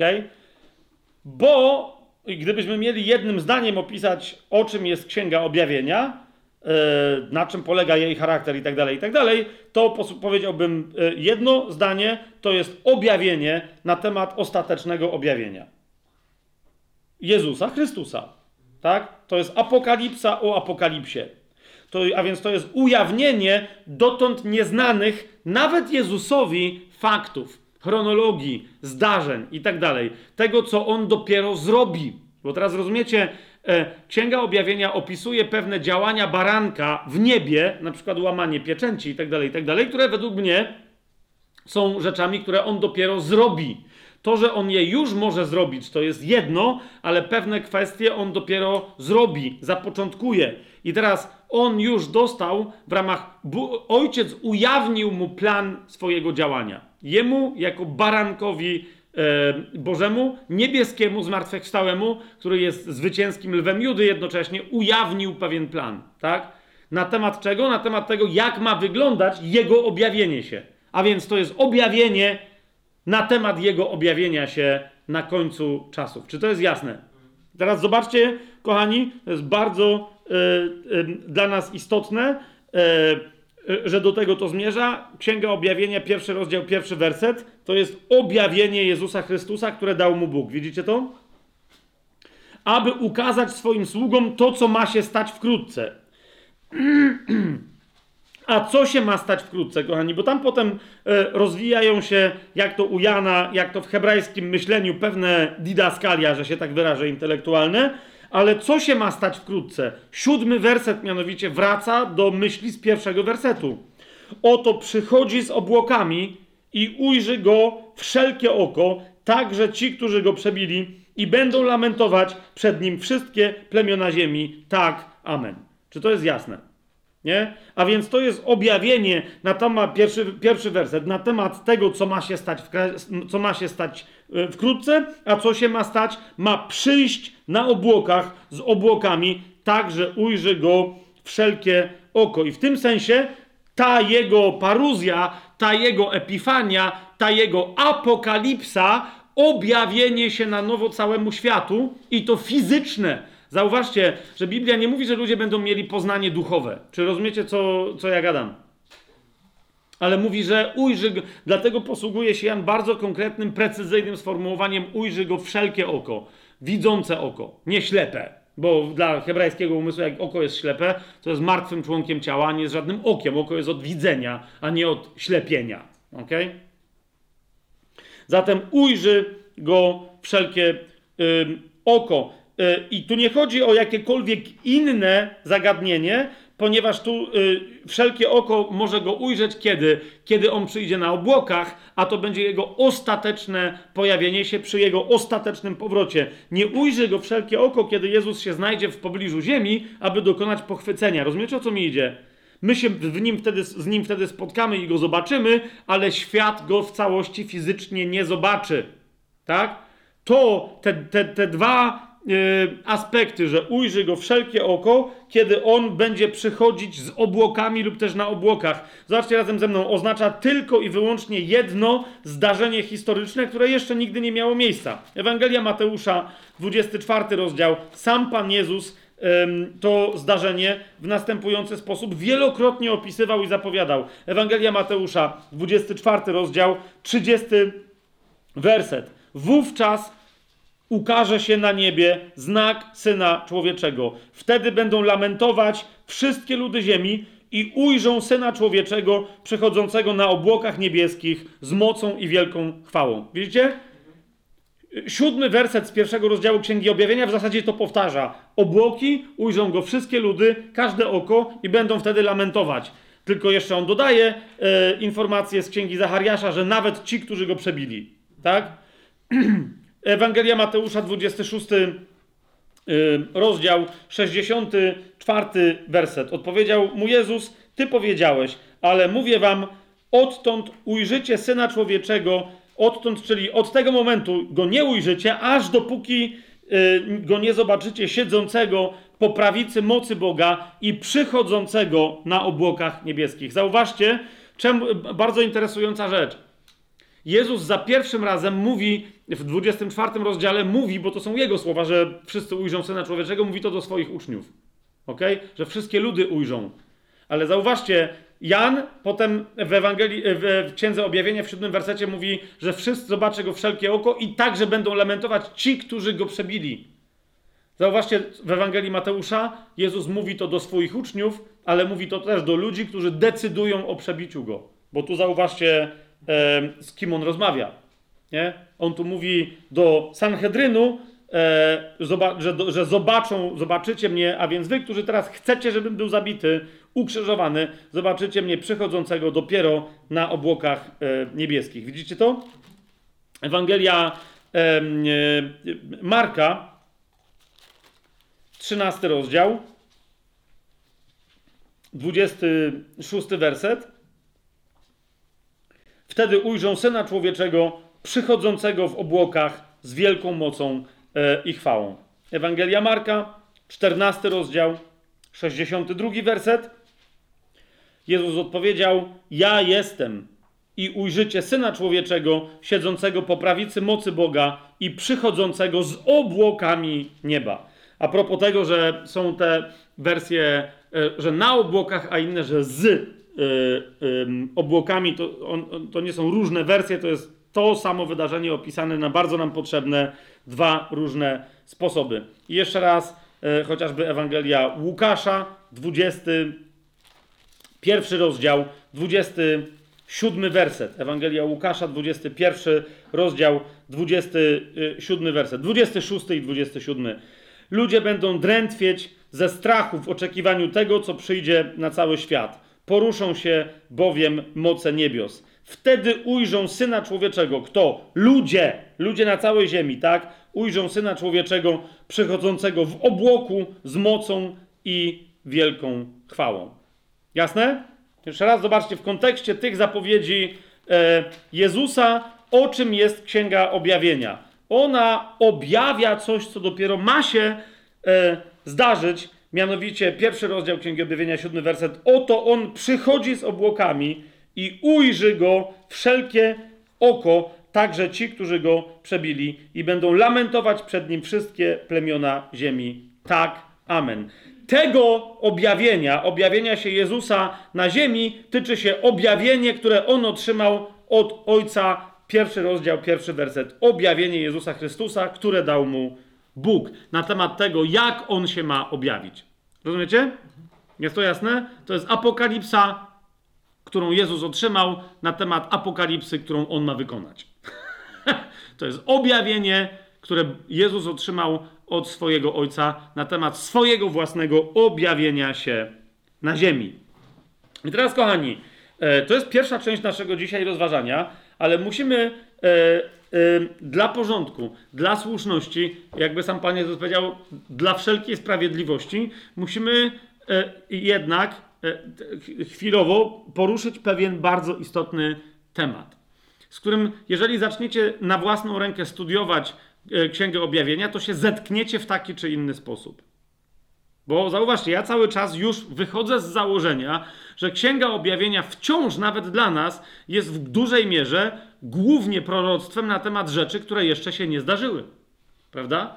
Wyobraźcie sobie, że przez ostatnich, zwłaszcza 1500 lat, pojawiło się mnóstwo w ramach chrześcijaństwa, tak zwanego chrześcijaństwa, pseudochrześcijaństwa, owszem, prawdziwego chrześcijaństwa, ale także ruchów, organizacji, e, trendów teologicznych i filozoficznych, które tylko udawały chrześcijaństwo oraz w ramach różnych prądów filozoficznych i nauk, które nawet nie udawały chrześcijaństwa, pojawiło się masę nauczania e, mądrości wszelkiego e, sortu na temat Księgi Objawienia, w ramach której ludzie zadawali sobie pytanie, ale zaraz, czy Księga Objawienia w ogóle cokolwiek objawia?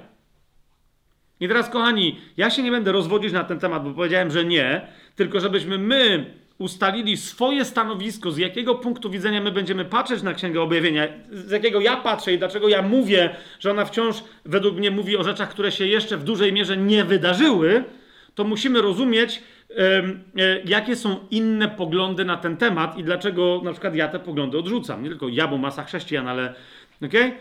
Okay? Osobiście podzieliłbym te poglądy na trzy główne nurty, tak? E, niektórzy dzielą je na, na, cztery główne nurty, ale według mnie dwa z nich są ze sobą tak bardzo związane, że, że dla mnie to są wciąż trzy.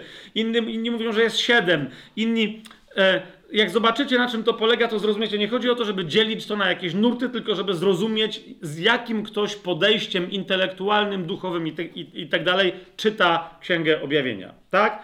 Więc dla mnie zasadniczo to są trzy y, nurty. Jeden z nich jest w ogóle nazwany w teologii i nawet w filozofii i tak dalej, więc to nie jest tylko kwestia, że w jakichś e, księgach kościelnych czy doktrynalnych chrześcijańskich to znajdziemy, tylko normalnie znajdziecie definicję tego w encyklopediach, na Wikipedii i tak dalej, i tak dalej, tak? Więc jeden z tych nurtów nazywa się preteryzmem, ok? E, ja go bardzo ogólnie, bo on ma różne oblicza, ale ja go bardzo ogólnie teraz e, zdefiniuję z nim jest związany nurt, który się nazywa e, idealizmem. E, I dlatego niektórzy go oddzielają, ale według mnie one są ze sobą w pewnym sensie spójne. Ok? Więc jeszcze raz, preteryzm to jest jedno podejście do Księgi Objawienia i do proroctw na temat końca czasów i końca świata. Drugie podejście jest nazywane historyzmem. Nie historycyzmem, zwracam wa waszą baczną na to uwagę historyzmem, a nie historycyzmem. I wreszcie trzecie podejście, trochę dziwnie będzie to brzmiało, zwłaszcza, że ja jestem jego reprezentantem e, i to będziecie teraz na mnie spojrzeć, co się dzieje, ale w każdym razie trzecie podejście nazywa się futuryzmem. Okay? więc e, w, w, sensie teologicznym moje, e, mo, moja, e, moje stanowisko teologiczne wobec Księgi Objawienia jest stanowiskiem futurystycznym. E, ale nie ma to niczego wspólnego z żadnym science fiction, ze Stanisławem Lemem, ani wiecie, z tego typu osobami czy zjawiskami. Zaraz to sobie e, wyjaśnimy. I teraz, kochani, e, w pewnym sensie nakładają się na te trzy trendy, więc jak macie napisane preteryzm, pod spodem możecie sobie napisać historyzm, a potem sobie możecie napisać futuryzm, to obok, obok preteryzmu możecie sobie napisać post milenaryzm albo postmilenializm. Obok e, historyzmu, chociaż to potem jeszcze raz, bo to nie do końca będzie jedno z drugim współgrało, ale możecie sobie napisać amilenaryzm albo amilenializm, bo, jest, bo są dwa takie wyrazy w języku polskim. I obok futuryzmu e, e, możecie napisać premilenializm albo premilenaryzm.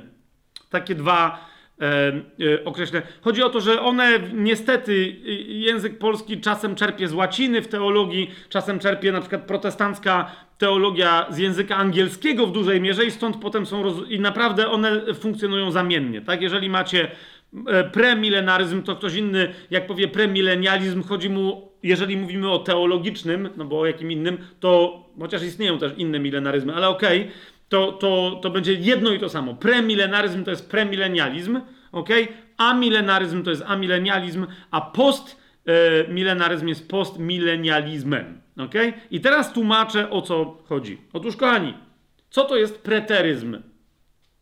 To jest e, bardzo mocno kierunek rozwinięty, zwłaszcza w oświeceniu, postoświeceniu w XIX wieku przez tak zwanych teologów biblijnych, ale szkoły niemieckiej, a więc ludzi, którzy niby się zajmowali Biblią, niby się zajmowali teologią biblijną, ale z punktu widzenia ateistycznego albo kontrchrześcijańskiego czy kontrteistycznego. Nawet nie byli, czasem niektórzy z nich byli zawołanymi okultystami, spirytystami czy satanistami, którzy zajmowali się teologią biblijną po to, żeby podważyć jej zasadność, podważyć autorytet Słowa Bożego itd., tak itd., tak, tak?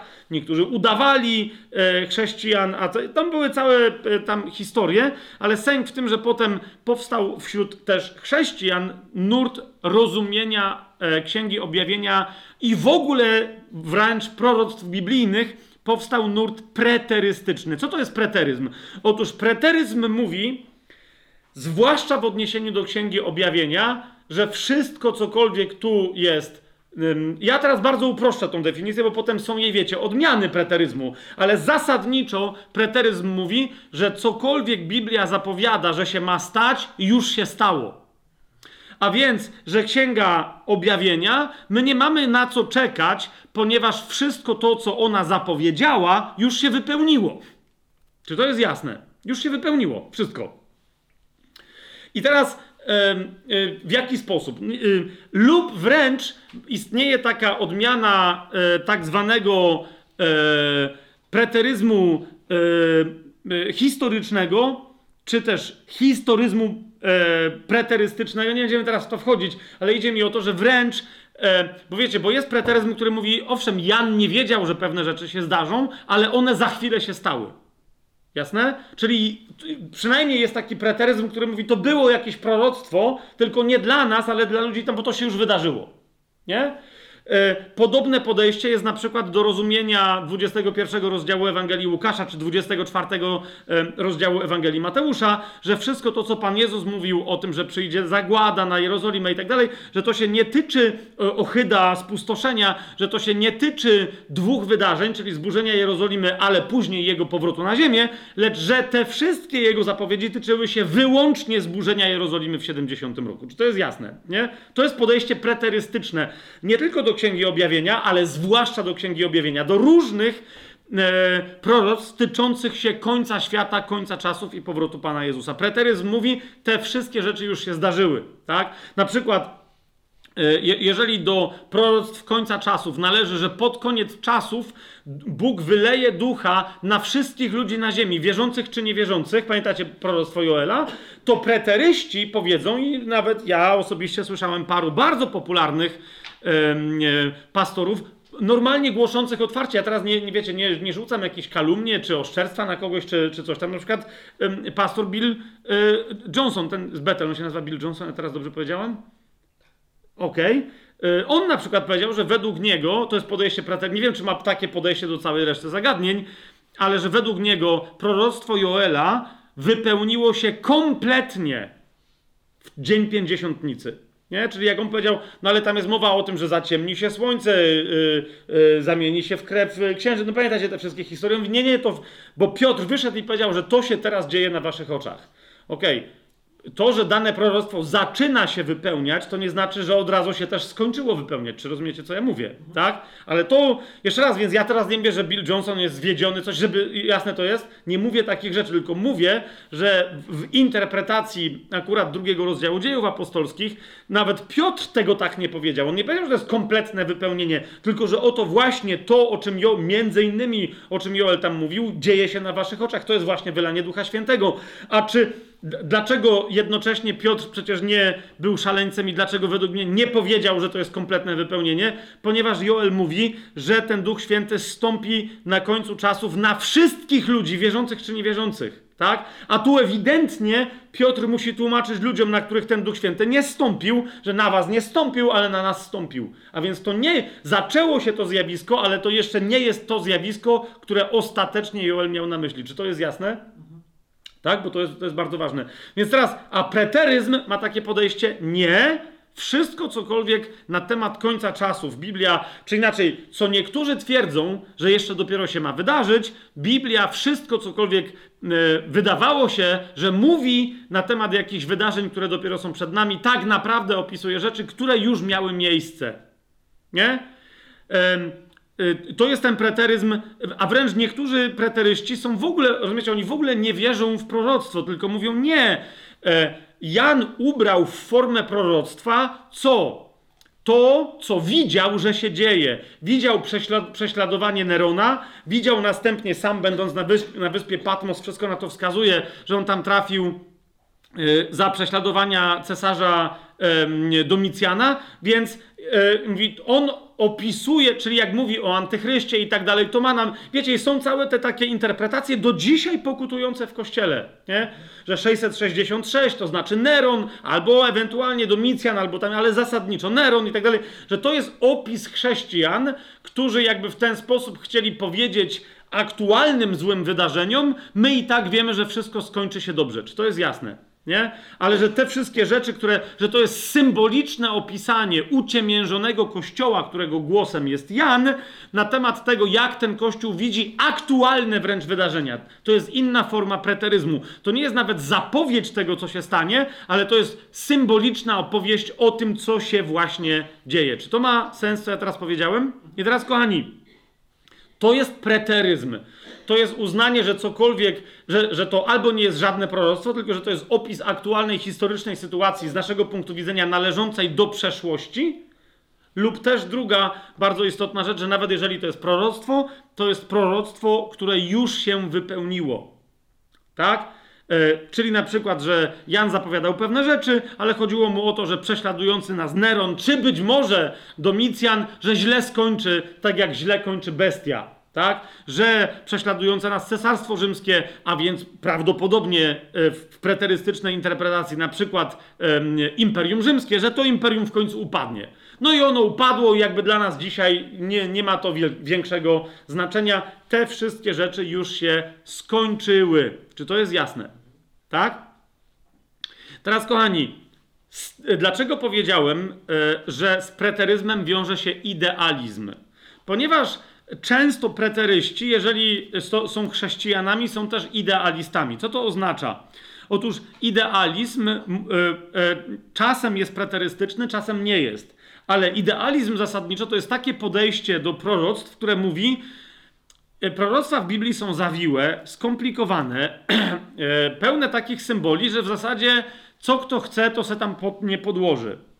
Ale po co one są wobec tego napisane w Biblii? Otóż po to, żebyśmy mogli się nimi posłużyć w każdych dowolnych okolicznościach, żeby się nimi stosownie do okoliczności, które nas do, dotykają, pocieszyć. To jest idealizm. Nie?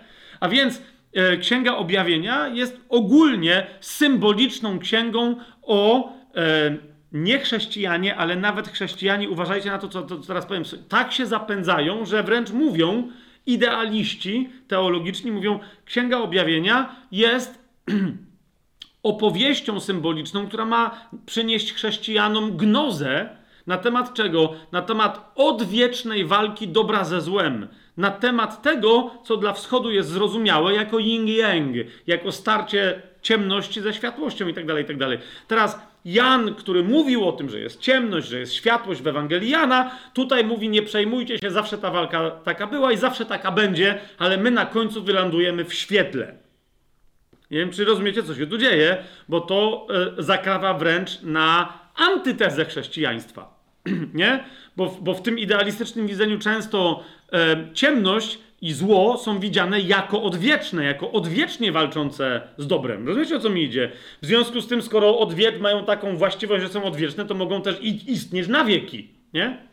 I niektóre, niektórzy takie rzeczy widzą w Księdze Objawienia. Jest masę odmian i teraz widzicie preteryzm, e, czemu jest związany z idealizmem ja wiele takich komentarzy biblijnych czytałem, bo ludzie mówią, preteryści, którzy mówią, pewne rzeczy się już wydarzyły. I, I, wtedy niektórzy ich pytają, to po co w takim razie Bóg by dawał księgę, która nie, nie ma z nami żadnego związku? I wtedy odpowiedź preterystów jest idealistyczna. Mówią, bo te rzeczy się wypełniły w przeszłości, ale my mamy dalej pewien symboliczny ich opis, żeby nam to dzisiaj jakoś służyło. Rozumiecie, o co mi idzie?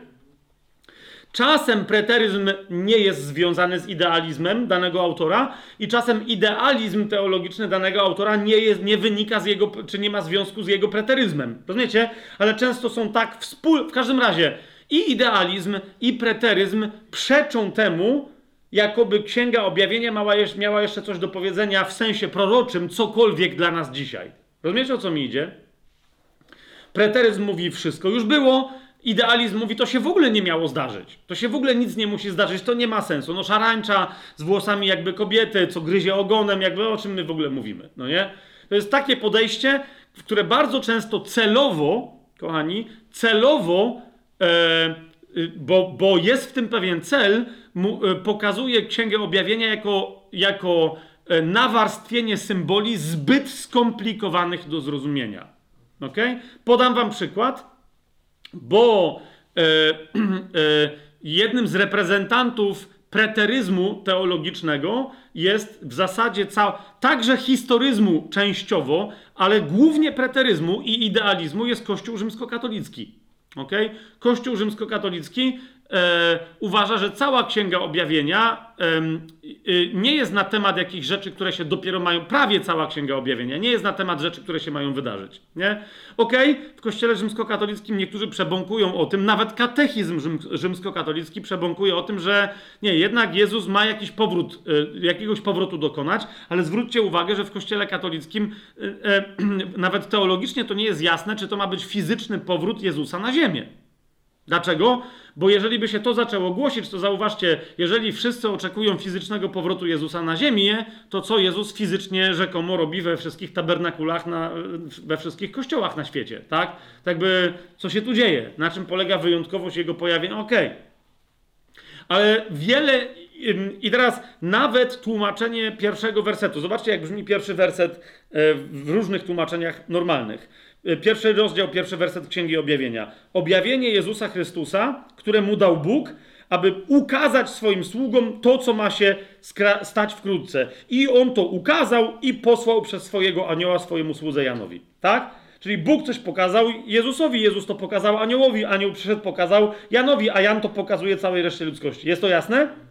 Teraz zauważcie, jak tłumaczenie tego wersetu, ja zaraz do niego wrócę, e, e, brzmi w Apokalipsie według świętego Jana w tysiąc latce, czyli w tłumaczeniu, to już jest nawet piąte, tak, wydanie księgi, bo żeśmy tu sobie przed nagraniem sprawdzali, e, tysiąc latki. Tak, pierwszy rozdział, pierwszy werset e, katolickiego tłumaczenia po polsku brzmi: Objawienie Jezusa Chrystusa, które dał mu Bóg, aby ukazać swoim sługom, co musi stać się niebawem.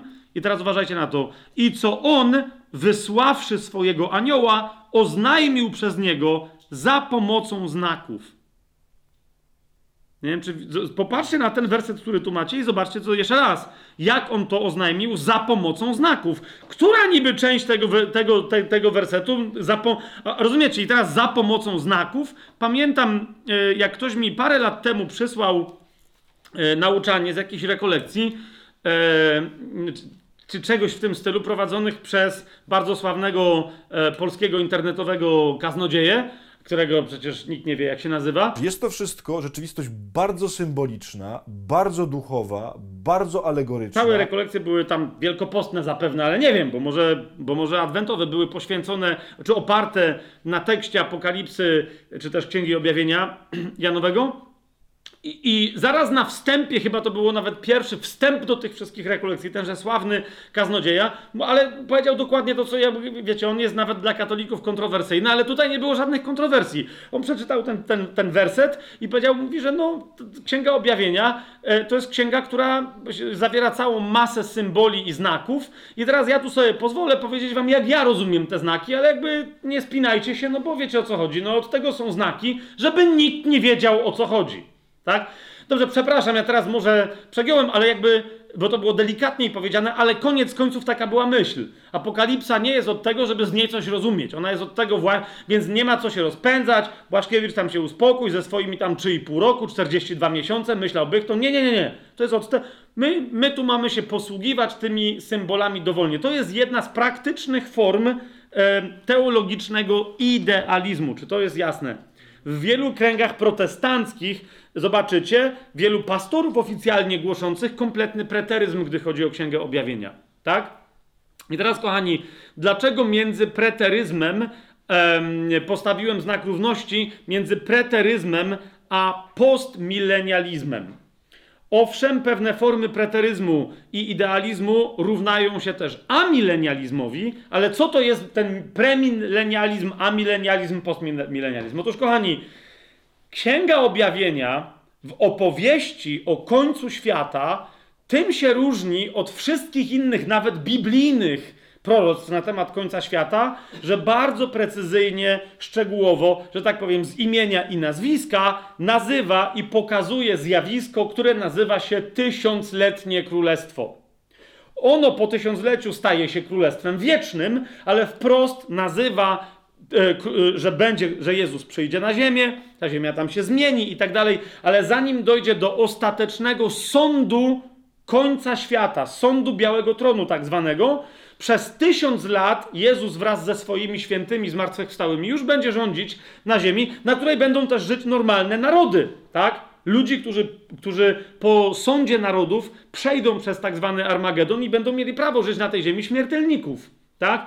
I teraz to zjawisko jest nazywane milenium, czyli tysiącleciem, ale chodzi o to, że to będzie królestwo panowania Jezusa na dziwnej ziemi, na której będą już zmartwychwstali ludzie, on, jako rozumiecie, objawiony Jezus, którego będzie można normalnie obserwować, ale też ludzie, którzy jeszcze będą żyć z rozmaitymi tam historiami, niekoniecznie zbawieni i tak dalej, i tak dalej. Rozumiecie, o co mi idzie?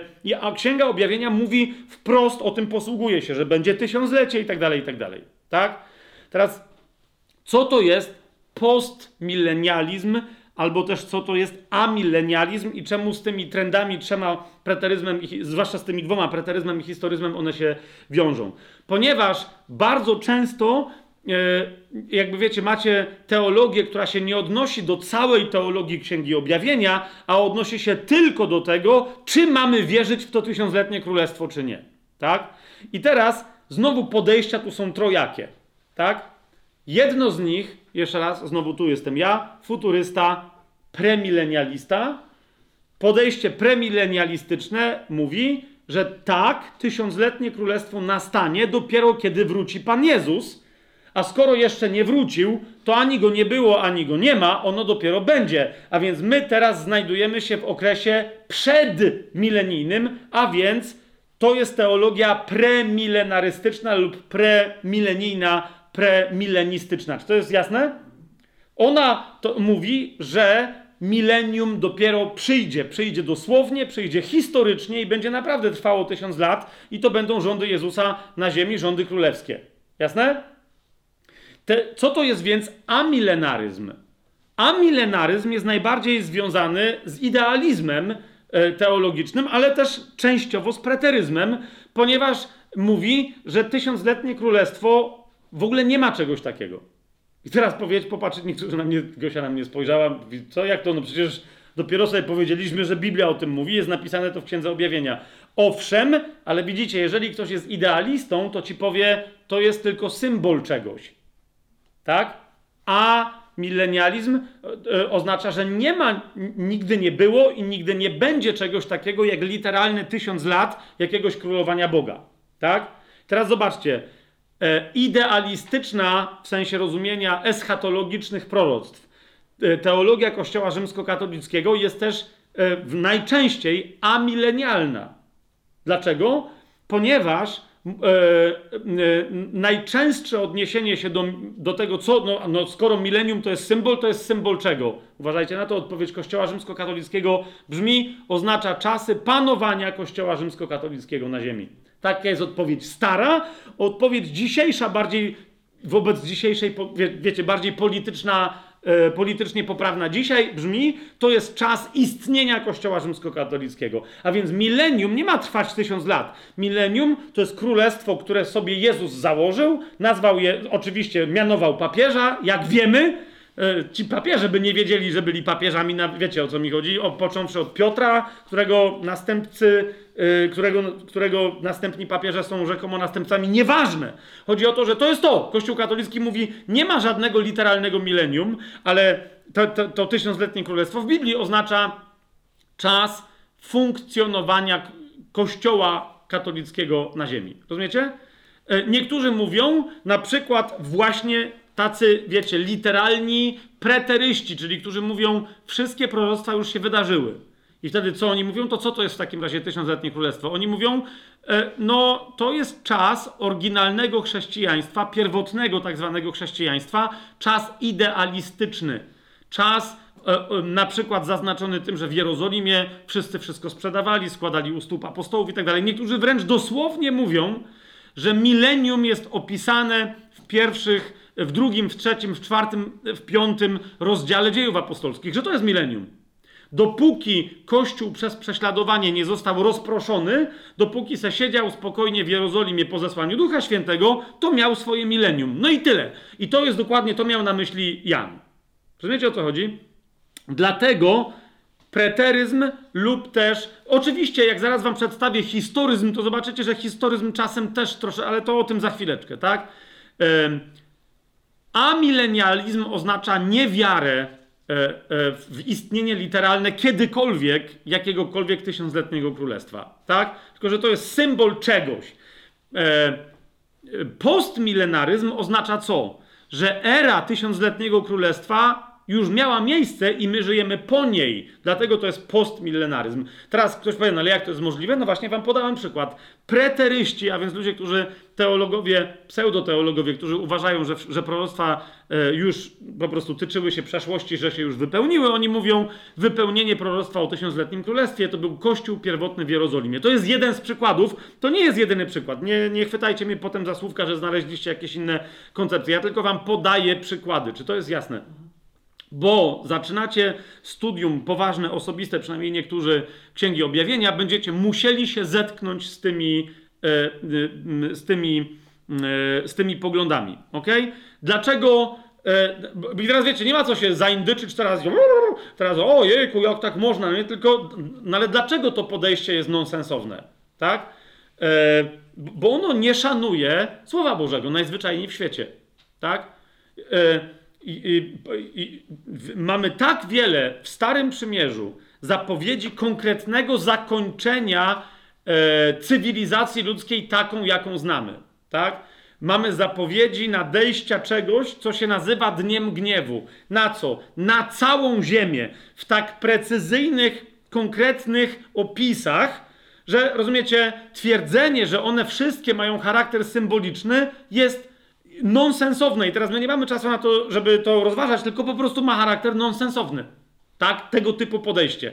Jest to, to, to jest kompletne. E, e, jeżeli ktoś chce się przekonywać, ja, ja rozumiem, że jego podejście osobiste, bo tak sobie zdecydował do Biblii, jest takie, żeby całą Biblię odczytywać li tylko jako symbole, tak? Ale wtedy te symbole będą dla, dla każdego oznaczać to, co sam będzie chciał. Wiecie o co mi idzie? Natomiast Biblia, w momencie, kiedy mówi o tym, że Jezus się urodził, nie ma na myśli żadnej symbolicznej historii, chociaż są i tacy, którzy tak uważają, to jest pewien taki symbol, nie? Jezus tak naprawdę się nie urodził, nie był żadnym człowiekiem, nie był kimś tak, i tak dalej, i tak dalej. Nie!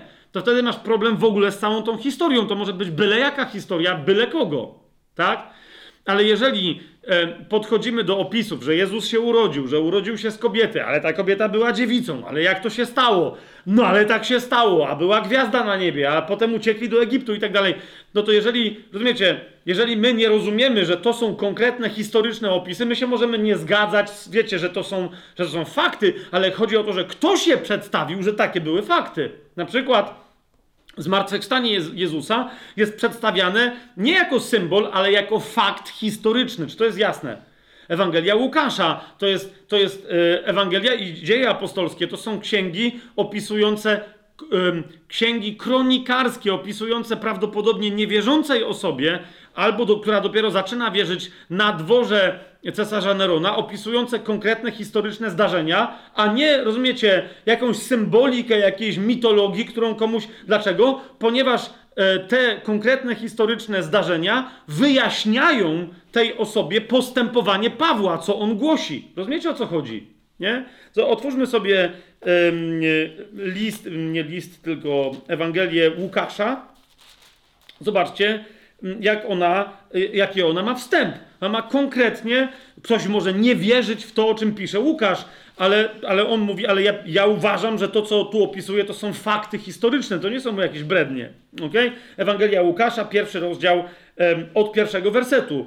Ponieważ wielu podjęło się sporządzić opis tych wydarzeń, co do których mamy zupełną pewność. Nie wiem, czy wiecie o co chodzi. To jest historia, to jest kronikarstwo tutaj, tak jakie nam przekazali ci, którzy od początku byli naocznymi świadkami i sługami słowa. Postanowiłem i ja, który to wszystko od początku dokładnie wybadałem, opisać ci to po kolei, zacny Teofilu. Widzicie o co mi chodzi? Naoczni świadkowie, konkretne wydarzenia opisane po kolei. I teraz Łukasz opisuje narodzenie się z dziewicy, tak? Łukasz opisuje zmartwychwstanie Chrystusa, podobnie jak inni, ale on mówi, inni też się tym zajmowali i oni się nie zajmowali mitologią. Moje twierdzenie jest takie, że to są wydarzenia historyczne. Ok? I teraz charakter tych opisów jest dokładnie taki sam, jak charakter opisów Dnia Pańskiego, czyli tak zwanego Dnia Gniewu, z którym teologia chrześcijańska wiąże powrót Pana Jezusa. Kiedy Pan Jezus wróci na ziemię, wydarzą się konkretne zmiany na ziemi. Tak? Narody całe ich doświadczą. Jeszcze raz, Jan mówi wyraźnie, pierwszy rozdział, siódmy werset Księgi Objawienia, on przyjdzie z obłokami i ujrzy go wszelkie oko. Jak? Fizycznie. I tego się tyczy Księga Objawienia. Tak? A więc jeżeli ktoś mi mówi, nie, trzeba rozumieć Księgę Objawienia e, e, e, symbolicznie, to to jest, owszem, ona w wielu symbolach mówi, ale o rzeczach, które się naprawdę wydarzą, a nie, o tym jeszcze dzisiaj powiem wam więcej, tak? Które się naprawdę wydarzą, a nie, a nie o symbolach, które mają mówić o rzeczach, które się nam dzieją tylko i wyłącznie w duszyczkach, tak? Teraz, jeżeli preteryści mówią, nie, nie, my się zgadzamy, tylko to już było, to wtedy moje pytanie brzmi: otwórzmy sobie Księgę Objawienia, 19 rozdział. To już było? To, to proszę mi pokazać, kiedy konkretnie miało to miejsce, bo ja nie pamiętam. Jakby to miało miejsce, czyli każde oko zobaczy co na niebie. 19 rozdział, 11 werset. To, co Jan wcześniej proroczo zobaczył. Dosłownie, literalnie. Potem zobaczyłem niebo otwarte, a oto koń biały, a ten, który na nim siedział, nazywa się wiernym i prawdziwym i w sprawiedliwości sądzi i walczy. Niebo otwarte, z którego Jezus zjeżdża na koniu. To jest, to jest dokładnie to. Jego oczy były. To jest dokładnie to, o czym na początku w siódmym, pierwszym rozdziale, siódmym wersecie powiedział. Każde oko go zobaczy. Jak? Tak! Ktoś pamięta takie zjawisko? Cały świat by to musiał widzieć. Wiecie o co mi chodzi? No i kiedy? Kto to opisał? Więc jeżeli, i teraz rozumiecie, jedna bardzo istotna rzecz, kochani. Księga objawienia, zaraz y, y, wjadę w, pretery, w historyzm, ale księga objawienia nie jest opowieścią wszechczasów o wszechczasach. Jeżeli byśmy się dobrze jej przyjrzeli, owszem, pokazuje, co się dzieje w niebie, w bezczasie, w wieczności doświadczanej jako brak przepływu czasowego, ale uważajcie, większość rzeczy, które y, Księga Objawienia opisuje, że będą miały miejsce w czasie, to opisuje konkretnie czas trzech i pół lat. To jest 3,5 roku. Konkretne 3,5 roku, konkretne 42 miesiące co do dnia. Większość wydarzeń potem opisuje jeden konkretny dzień, od którego się zacznie nowy etap, kiedy Jezus wróci na ziemię. Potem mówi, potem będzie tysiąc lat. Tak? Ale jeszcze raz, najwięcej wydarzeń, o jakich mówi Księga Objawienia, to są wydarzenia, które wręcz są zaznaczone, rozumiecie, dniami konkretnymi tak? Miesiącami, latami. To jest bardzo krótki okres czasu, który posiada swoją chronologię i jeszcze raz, ja nie, nie widzę żadnej takiej chronologii ani za czasów Nerona, ani Domicjana, ani Domikletesa, ani Pontifrakteramusa. A to, że teraz takiego gościa wymyśliłem, to też tylko z tego wynika, że ktoś jeszcze większą wyobraźnią się musi posłużyć, żeby dostosował te konkretne, rozumiecie, e, rozciągnięcia, czasy, okresy, zdarzenia, postaci, szczegóły, które są opisane w Księdze Objawienia, żeby je dostosował, że to oznacza Nerona, a tamto oznacza coś. Jak ktoś nie zna historii i ktoś nie zna Księgi Objawienia, to mówi, o, to chyba tak. Ale jak znasz jedno i drugie, to mówisz, że się w ogóle nijak nie trzyma kupy. Jak się, to, co to ma z, tam, z tamtym wspólnego?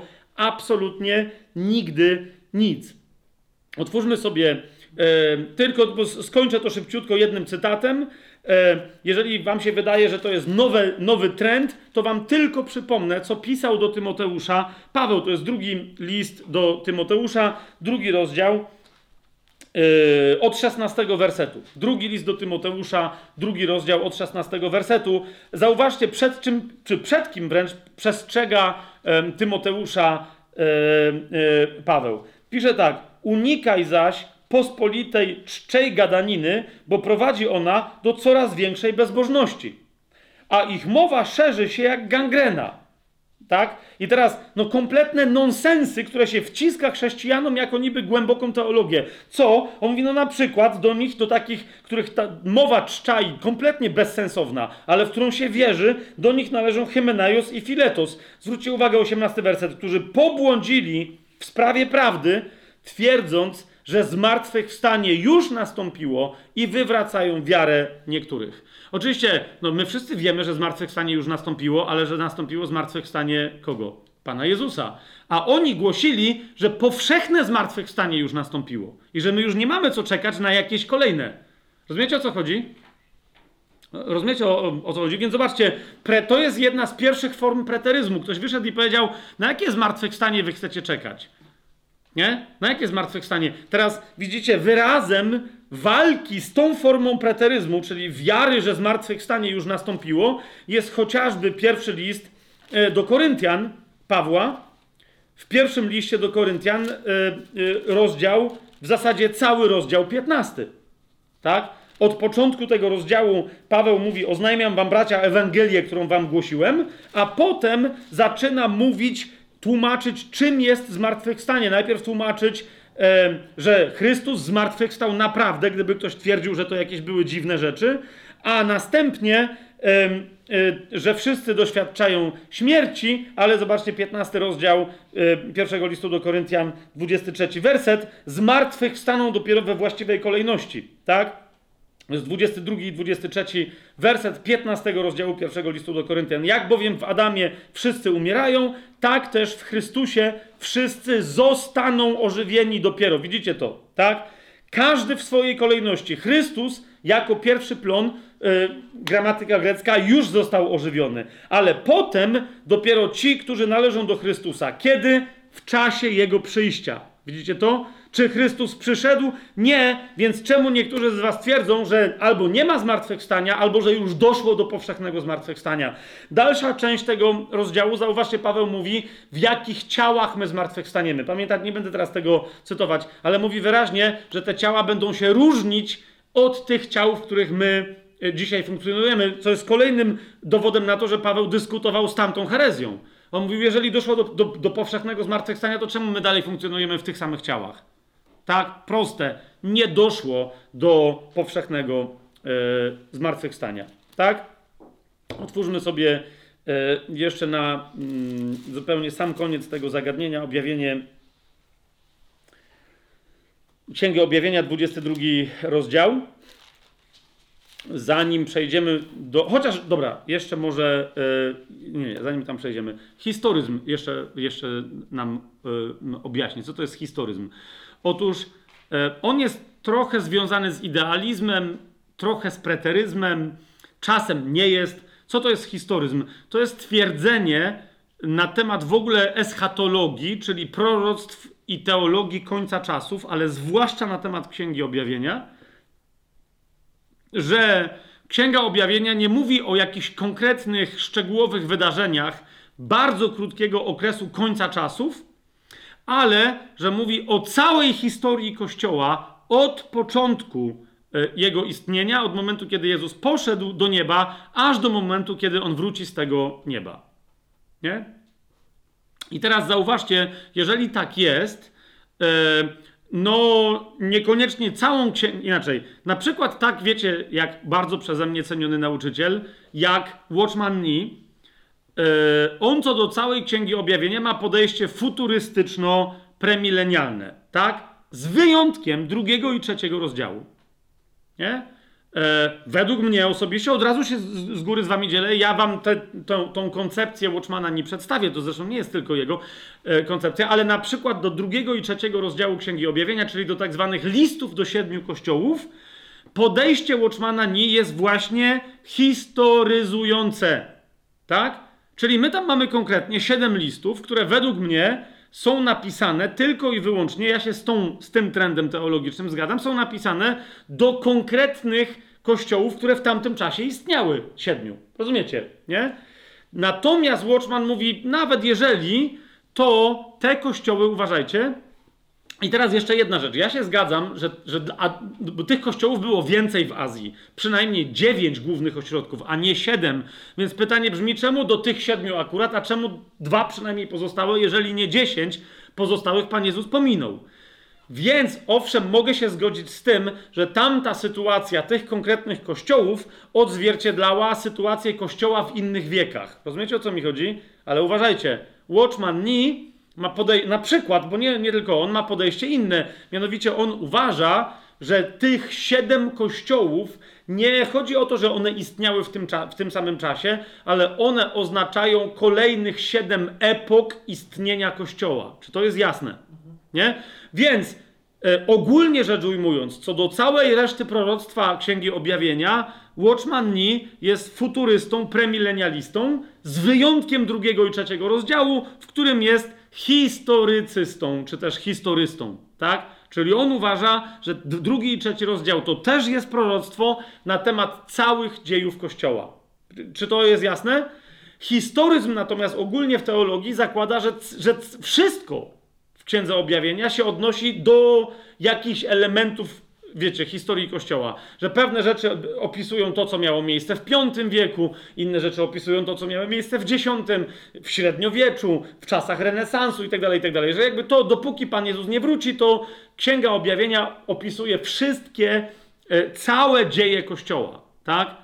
Jeszcze raz, znaczy wszystkie rzeczy, o których będziemy e, czytać, które będziemy wyczytywać z Księgi Objawienia i tak dalej, mają tak konkretne zaczepienie historyczne, że ja rozumiecie, e, w sensie i to zaczepienie jest zaczepieniem w konkretnym, bardzo krótkim okresie przed powrotem Pana Jezusa, albo w okresie już po tym, jak on wróci na ziemię. Że ja nie bardzo wiem, który w ogóle fragment Biblii miałby być przypisany w ogóle jakiemuś innemu okresowi, rozumiecie? Watchman powiedział, no listy do siedmiu kościołów. Okej, okay, to tu się możemy kłócić i się przyjrzymy, Czemu niektórzy, na przykład Watchman, uważają, że ten, te dwa konkretne rozdziały mówią o historii Kościoła? Jeszcze raz, e, żeby nie było, to nie jest tak, że ja się w ogóle nie zgadzam z jego trendem, e, tylko według mnie nie jest to odpowiednio mocno udowodnione. Czy, czy to jest jasne? Może tak być, ale ja tego aż tak klarownie, jak na przykład Watchman, nie widzę, żeby to z całą pewnością była opisana historia Kościoła. Jasne? Niemniej są pewne oni tam, e, e, ci, którzy są historystami w odniesieniu do drugiego i trzeciego rozdziału Księgi Objawienia, mają swoje racje i o tych racjach też będziemy mówić, tych racji nie pominiemy. Ale mnie chodzi teraz o historyzm, który uważa, że cała Księga Objawienia mówi e, o historii Kościoła aż do powrotu Pana Jezusa. Teraz widzicie, dlaczego często historyzm jest amilenialny? Ponieważ właśnie historyzm mówi, skoro cała Księga Objawienia, aż do 22 rozdziału, mówi o tym, że e, o historii Kościoła, to również tysiącletnie królestwo, a nawet wstępująca e, z nieba niebieska Jerozolima, już musiały gdzieś mieć miejsce.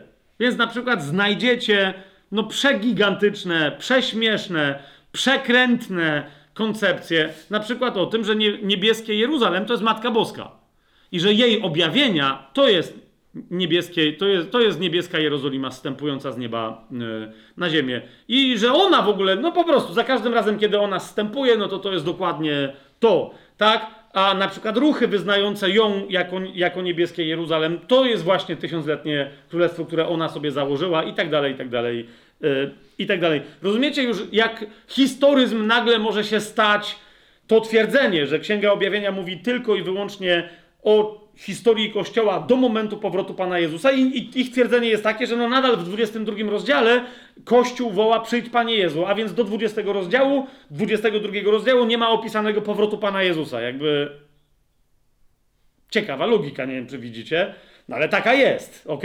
Więc to jest logika, yy, to jest logika yy, historyzmu. W Księdze Objawienia, yy, chcę wam tylko to pokazać, tak? Y, mamy mnóstwo tego typu fragmentów. Zobaczcie Księgę Objawienia, 11 rozdział, drugi y, werset. Jest mowa o tym, że istnieje świątynia w Jerozolimie, które tam y, ta świątynia ma być zmierzona i teraz do tego, kto ma mierzyć, Pan mówi dziedziniec zewnętrzny, to jest 11 rozdział, drugi werset, dziedziniec zewnętrzny wyłącz i nie mierz go, ponieważ został dany poganom, dziedziniec zewnętrzny. I nagle masz tu informację, no to jest symbol tego, że poganie coś tam, ale to jest, rozumiesz, konkretna liczba, która się potem powtarza w wielu, na różne sposoby w wielu miejscach i będą deptać święte miasto przez 42 miesiące. Tu nie chodzi o obecność pogan w Jerozolimie w ogóle. Czy rozumiecie o co chodzi? Chodzi o konkretne zjawisko 3,5 roku, 42 miesiące, często podawane w, w dniach, ok? E, panowania e, pogan w Jerozolimie, w której przejmą świątynię. Czy to jest jasne? Jerozolima bez świątyni nie jest tą Jerozolimą, o której mówi ten fragment. To musi być Jerozolima, w której jest świątynia, którą przejmą poganie, w której zasiądzie e, zwierzę, czyli bestia, czyli antychryst i uzna siebie za Boga na 3,5 roku. I to będzie tylko tyle, ile będą naprawdę poganie panować e, w Jerozolimie. Rozumiecie? Teraz niektórzy mówią, nie, nie, to, to, jest, to są symbole. Jeżeli to są, e, zobaczcie, na przykład w 13 rozdziale, gdzie jest właśnie mowa o, e, o bestii w piątym wersecie, tu jest dokładnie to samo jej powiedziane. Dano jej paszczę mówiącą rzeczy wielkie i bluźnierstwa. Kto zna księgę Daniela wie, że to jest e, ten mały rożek, który mówi rzeczy wielkie i bluźniące przeciwko Bogu. Tak? I teraz zobaczcie, jak długo dano jej też moc, aby działała, ale tylko przez 42 miesiące. To jest konkretnie napisane.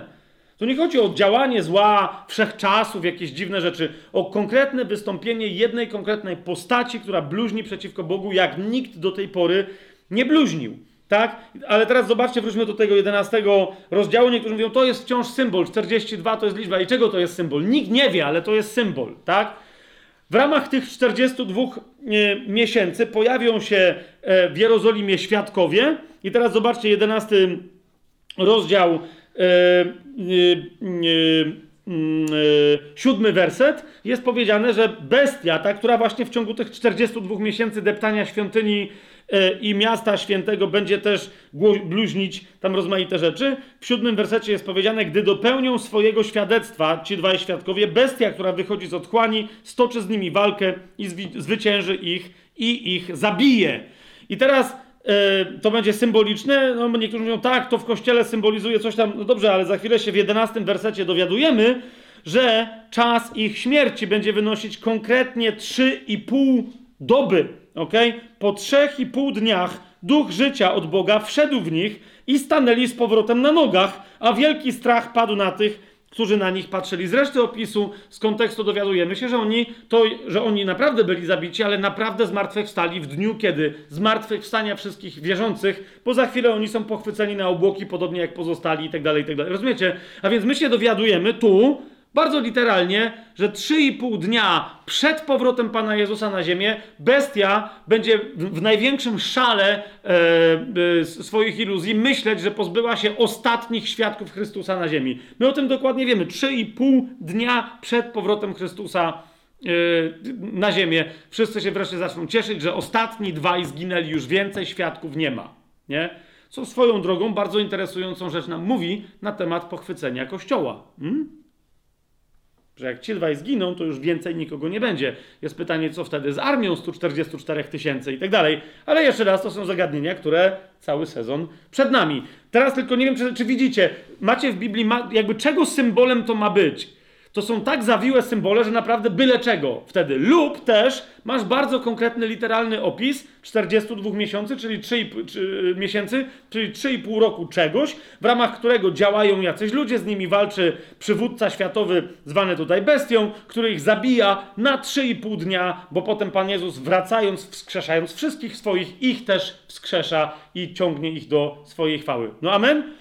Się wszystko inaczej, nic się w Biblii nie będzie łapać, jeżeli pewnych faktów, które są nam jasno opisane, jako jasno opisanych, nie przyjmiemy. A zatem rozumiecie, mamy y, łączące się ze sobą takie cztery trendy teologiczne, ale one na różne, znajdziecie różne miksy ich, tak? To jest preteryzm, czyli przekonanie, że nawet jak coś było proroctwem w Biblii, to się już dawno w przeszłości wykonało. Historyzm to jest przekonanie, yy, że zwłaszcza Księga Objawienia jest proroctwem ogólnym na temat historii Kościoła, a nie na temat końca czasów.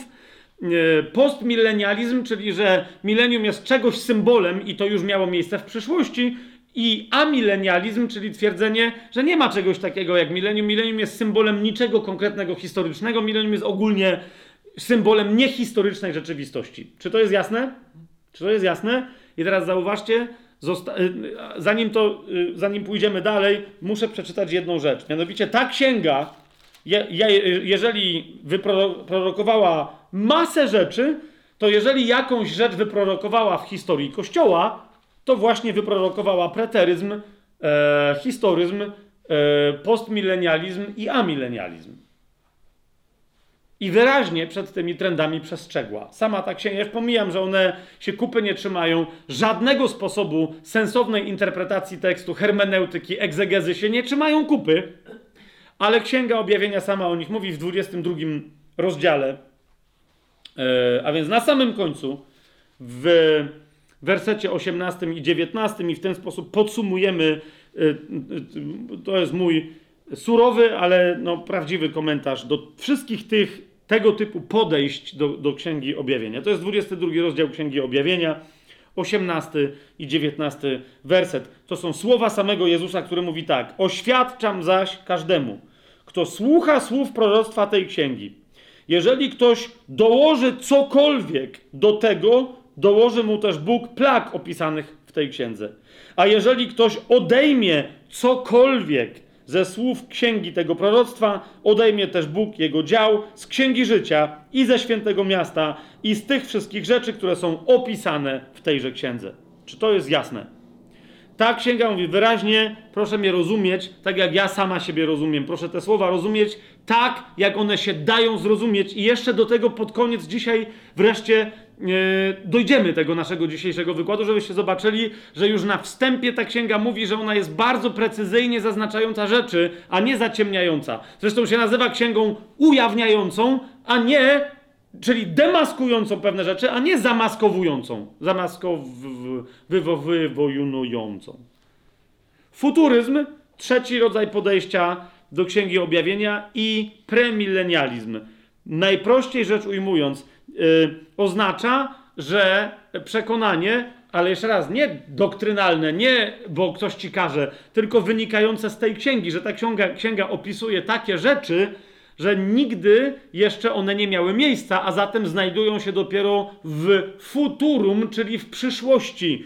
I to właśnie oznacza futurystyczne podejście do Księgi Objawienia i do jej eschatologii i do w ogóle eschatologii biblijnej. A zatem, że rzeczy takie jak wielki ucisk, wystąpienie antychrysta, yy, powrót Pana Jezusa na ziemię, sąd Armagedon, sąd nad narodami, tysiącletnie królestwo, a więc, że te wszystkie rzeczy dopiero będą miały miejsce, a nie, że są symbolami lub że już w jakiejś formie się zrealizowały w przyszłości. Czy to jest jasne?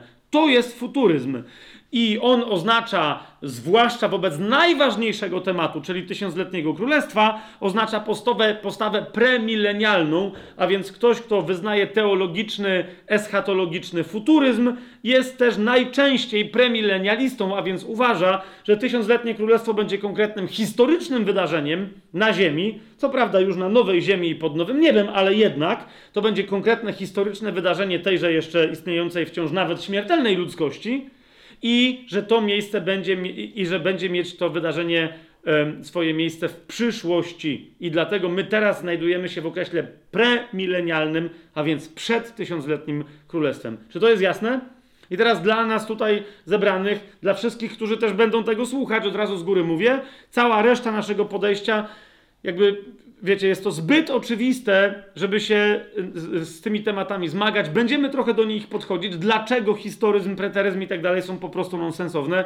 Wiem, że od jakiegoś czasu, zwłaszcza preteryzm w pewnej formie, e, bo się znowu jakaś książka parę lat temu po polsku pojawiła i tak dalej, stały się znowu popularne w pewnych kręgach e, chrześcijańskich, ale jeszcze raz, kochani, naprawdę nie chcę nikogo urazić, nie jest to moim celem. Niemniej, z drugiej strony, bardzo mocno chcę w stół uderzyć, żeby się nożyce agentów e, podszywających się tylko i wyłącznie pod chrześcijan, wilków, którzy wchodzą pomiędzy nas w owczych skórach, żeby się nożyce ich obecności odezwały. Okay? Bo to oni mieszają, podważają wasze wiarę niektórych, tak jak ci dwaj panowie, których e, Paweł Tymoteuszowi jasno z imienia wskazał, podważają, wywracają wiarę niektórych, twierdząc, że nie ma co wierzyć przyszłe ziszczenie się, realne, dosłowne, historyczne ziszczenie się proroctw z Księgi Objawienia, bo one już miały miejsce, wszystko to już się wydarzyło w przeszłości, a my teraz tylko ewolucyjnie, powoli z nieba, z ziemi zrobimy niebo.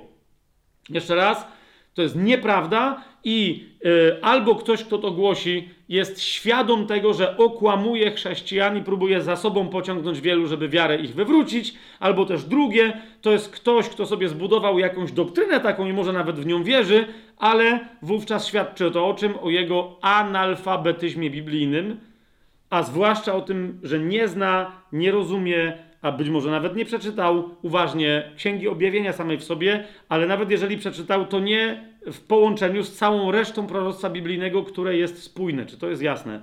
Widząc co, jakie fragmenty Księga Objawienia cytuje, do których się odwołuje, to nie jest tak, że ona pewnych fragmentów nie wyjaśnia, ona tylko hasłowo wrzuca jakiś temat, ponieważ wie, że ten temat jest szczegółowo wyjaśniony na przykład w Księdze Daniela na przestrzeni, rozumiecie, trzech czy czterech rozdziałów. Bardzo szczegółowo, więc w związku z tym Księga Objawienia o tym nie mówi. Z drugiej strony mówi o pewnych zjawiskach, konkretnych geograficznych, o których na przykład cała reszta Biblii do tej pory nie wspominała. Tak? Czyli jak Biblia mówi, że zmieni się geografia na ziemi wraz z powrotem Pana Jezusa, że na przykład góra oliwna zamieni się w dolinę, a góra y, Syjon wyrośnie ponad wszystkie inne góry już nie będzie Monteverest największą górą na ziemi, to co to oznacza? E, zmiany geograficzne, ale na przykład Księga Objawienia dopiero e, mówi, jedną ze zmian geograficznych będzie co? Że już nie będzie morza na całej ziemi. Tak? Jest wyraźnie powiedziane, że nie będzie czegoś takiego jak morze.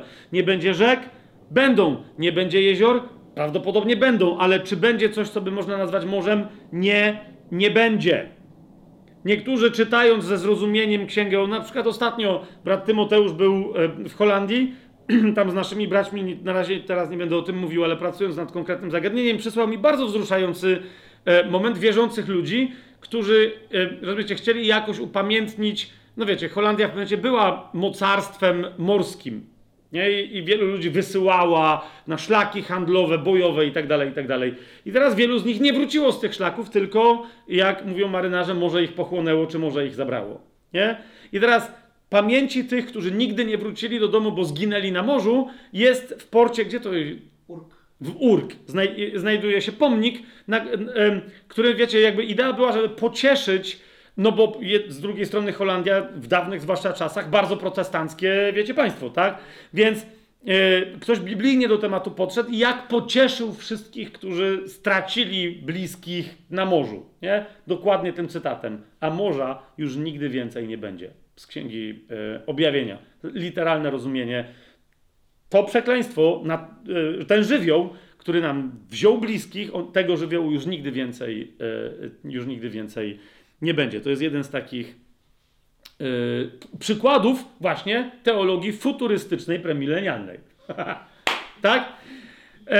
Więc teraz, kochani, nasze stanowisko jest futurystyczne teologicznie i premilenialne. Uważamy, że większość rzeczy, które, yy, o których mówi Księga Objawienia, yy, już się, nie, yy, że się dopiero wydarzą, z wyjątkiem tych, które miały miejsce ale dlatego, że one miały miejsce w, w, w bezczasie, w pozaczasiu duchowym, że tak powiem, a nie na ziemi, tak? Bo jeżeli się jakieś rzeczy dzieją, działy lub będą działy dopiero w niebie, no to jest tylko pytanie, czy one już wywarły jakiś skutek na ziemię, czy nie, a nie w jakim paralelnym czasie to się dokonało w stosunku do naszego czasu na ziemi. Czy to y, ma sens, to teraz mówię? Dobrze.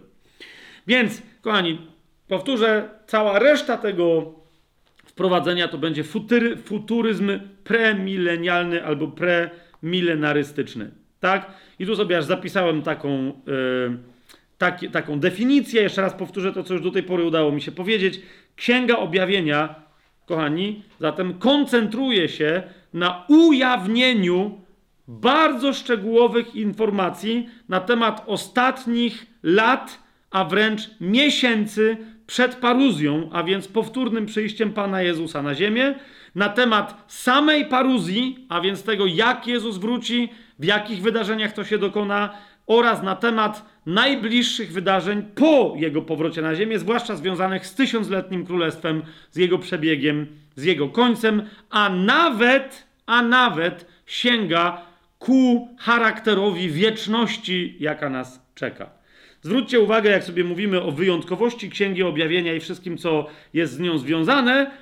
Autor, jeden ze współautorów Księgi Objawienia, czyli apostoł Jan, jak ktoś kiedyś powiedział, przeciekawy człowiek. Skromny, a jednocześnie sięgnął najdalej, jak tylko było możliwe, i opisał najdalszą z możliwych przeszłości w Biblii i najdalszą z możliwych przyszłości. Zwróćcie uwagę. Ten sam autor gdzie opisał najdalszą z możliwych przeszłości. Na początku było Słowo. Słowo było u Boga i Bogiem było Słowo i tak dalej, i tak dalej. Jak mamy opisaną najdalszą możliwą przeszłość? No, ktokolwiek zna, zwłaszcza 21 rozdział Księgi Objawienia, ten wie, o czym mówię. Tam są opisane pewne cechy przyszłości wiecznej, nawet po tysiącletnim królestwie, które będą charakteryzować całą wieczność i już nigdy na wieki wieków amen się nie zmienią. Rozumiecie? Więc to jest Jan. Jeszcze raz, Księga Objawienia koncentruje się na ostatnich latach, zwłaszcza ostatnich miesiącach i dniach i wydarzeniach tych ostatnich miesięcy, dosłownie paru dziesięciu miesięcy przed powrotem Jezusa na ziemię, potem na wydarzeniach samej paruzji, a następnie konsekwencji paruzji, czyli na tysiącletnim królestwie końcu tysiącletniego królestwa i jego transformacji w, tysiąclet, w królestwo, z tysiącletniego w, królestwo wieczne. Ale teraz, kochani, to nie wszystko. Ponieważ jeżeli mówi o tym wszystkim Księga Objawienia, ja tu sobie znalazłem cztery takie ogromne trendy, o, w ramach których Bóg. U, y, y, pytania, które możemy mieć, w ramach których Bóg udziela odpowiedzi na te pytania. Jakie to są trendy? Pierwszy trend jest związany z osobą, dziełem, tym, co je, e, Jezusa, tym, co on zrobił i co jeszcze ma zrobić jako człowiek w ramach wciąż trwającej historii ludzkości, tej dyspensacji, czy tej części historii, e, w której obecnie znajduje się ludzkość. Ok? Napisałem tutaj sobie, że jest to osoba, e, że, że Księga Objawienia ujawnia e, wiele korelacji z których wynika na zasadzie dedukcji masę faktów, a czasem wręcz ujawnia fakty, o których wcześniej myśmy nie wiedzieli, tak? Na temat osoby, dzieła, powrotu na ziemię i całej przyszłości Jezusa Chrystusa jako Pana. ok? Jak mówię, że na temat osoby, to włącznie z tym, jak ta osoba wygląda i jak będzie wyglądać, i jak, jaki ma fizyczny przejaw, E, swojego wyglądu w rozmaitych okolicznościach.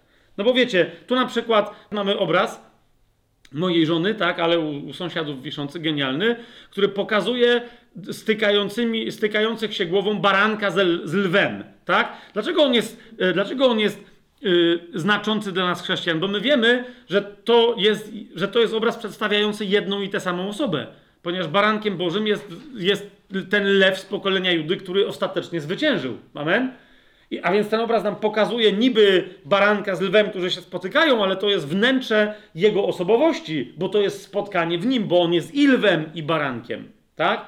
Ale teraz popatrzcie, otwórzmy sobie Księgę Objawienia tylko dla przykładu. Tak? Tylko dla przykładu. Księgę Objawienia ym, sobie otwórzmy pierwszy rozdział.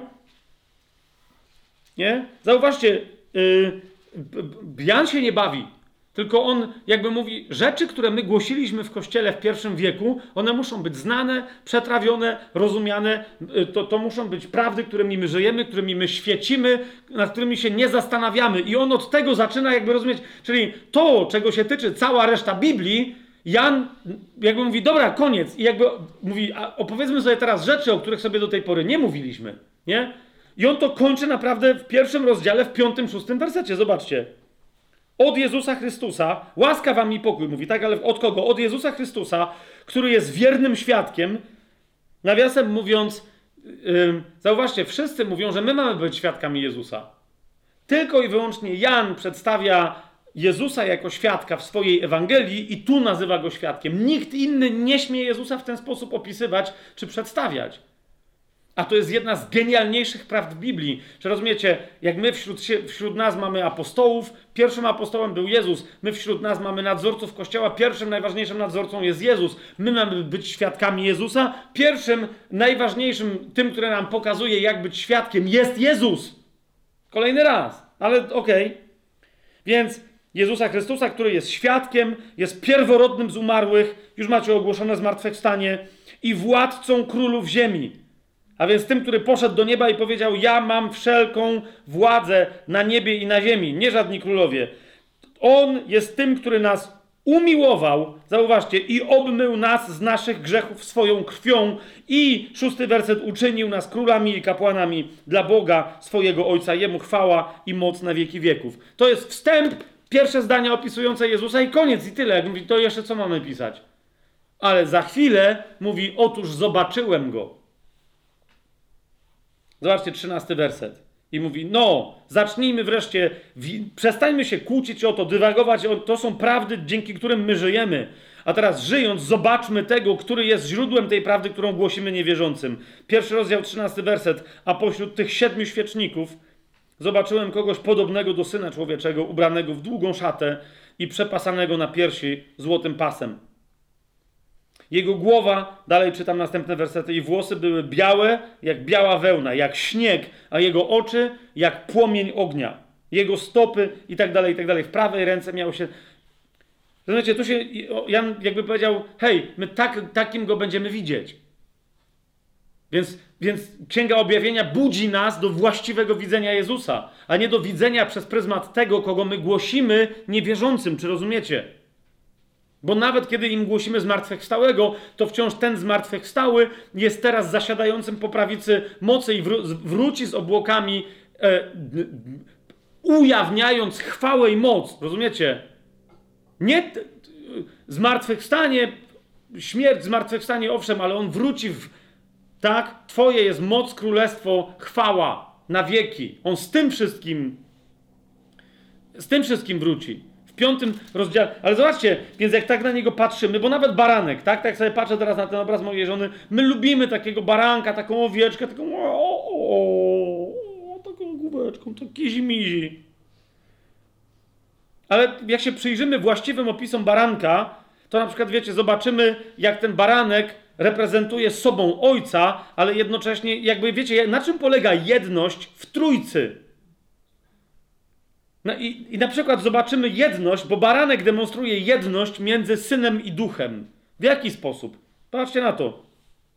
To jest piąty rozdział e, Księgi Objawienia, piąty, piąty i szósty werset.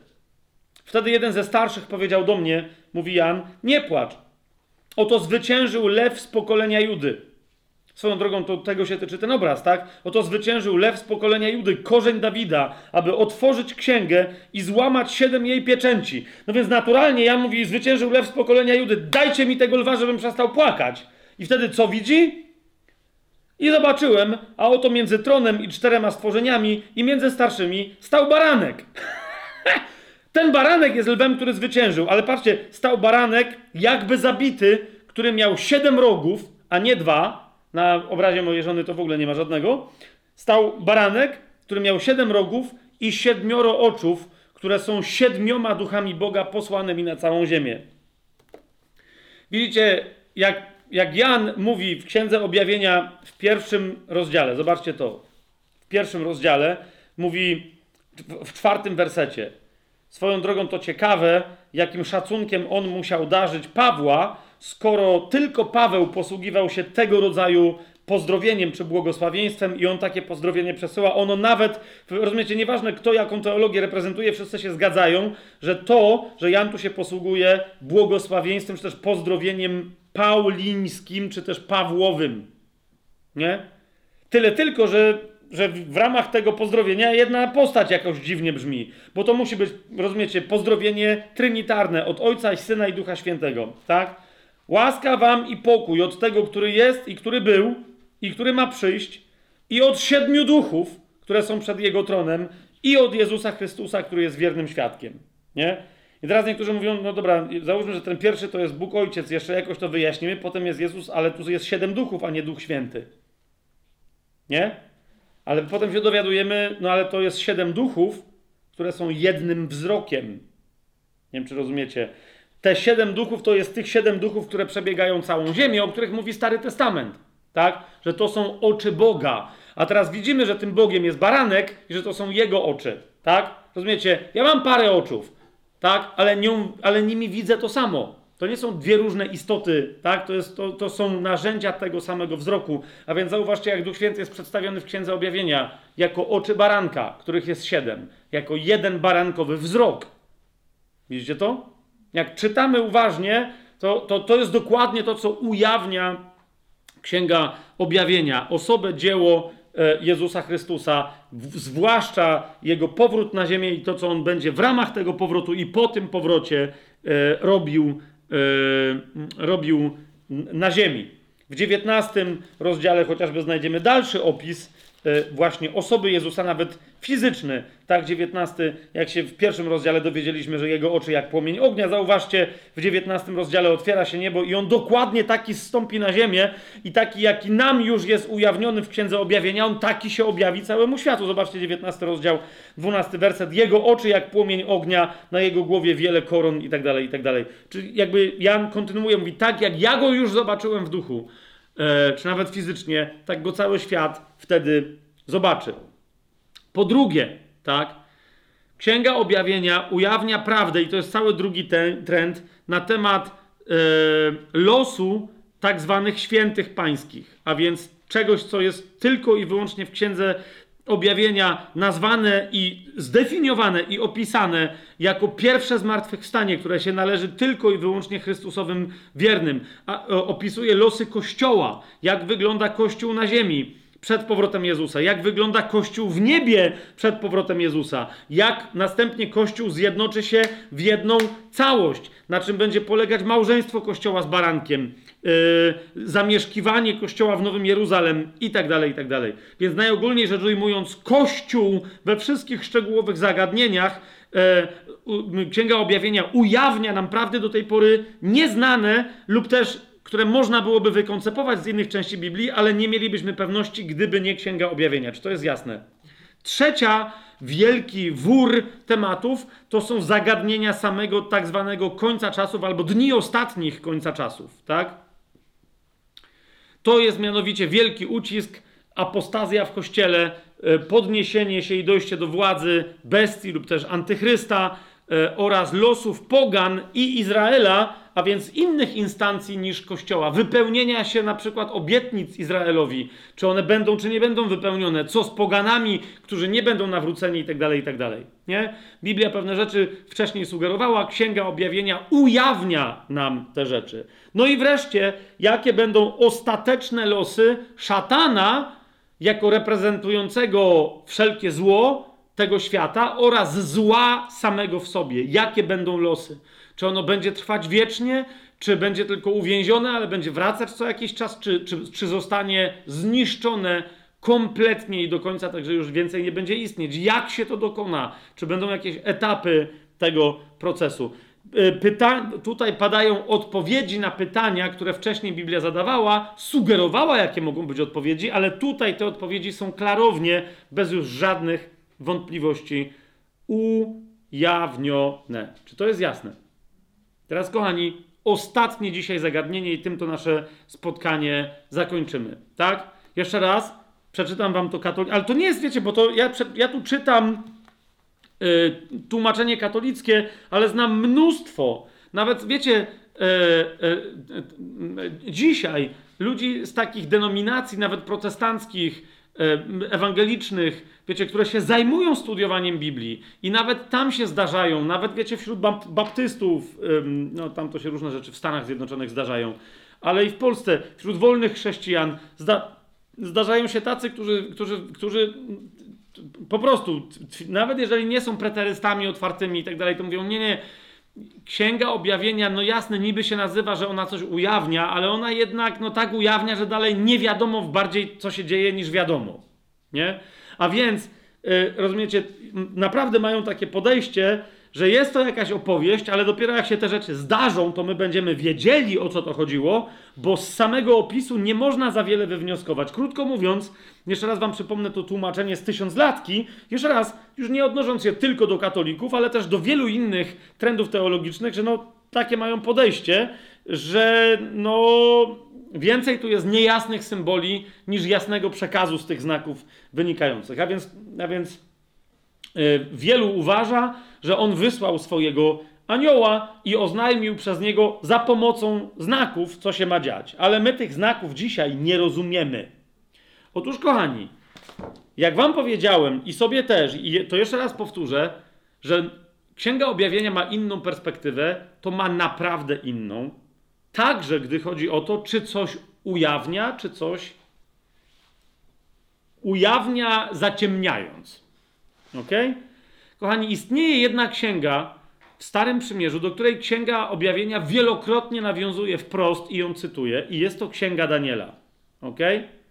I teraz widzicie, jeżeli my gdzieś w Biblii mamy księgę, która posługuje się mnóstwem symboli, z których, e, wiecie, pewne całe ciągi są zrozumiałe, bo naprawdę, no na przykład, wiecie, Aleksander Macedoński, historia wystąpienia poszczególnych e, imperiów, pamiętacie, jak rozważaliśmy chociażby Antychrysta, czy samą księgę Daniela, to żeśmy o tym mówili, że naprawdę te proroctwa się wypełniły w późniejszych wiekach po napisaniu tej księgi, tak? Bo na szczęście wiemy, kiedy ona e, jakby znamy granice, kiedy się pojawiły już tłumaczenia tej księgi, a kiedy potem dopiero doszło do pewnych zdarzeń.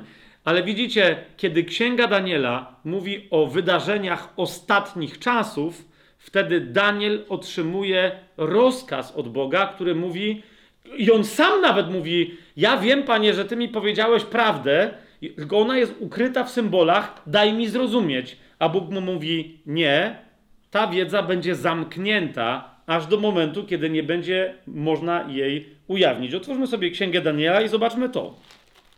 Nie? Księga Daniela to jest dwunasty y, rozdział.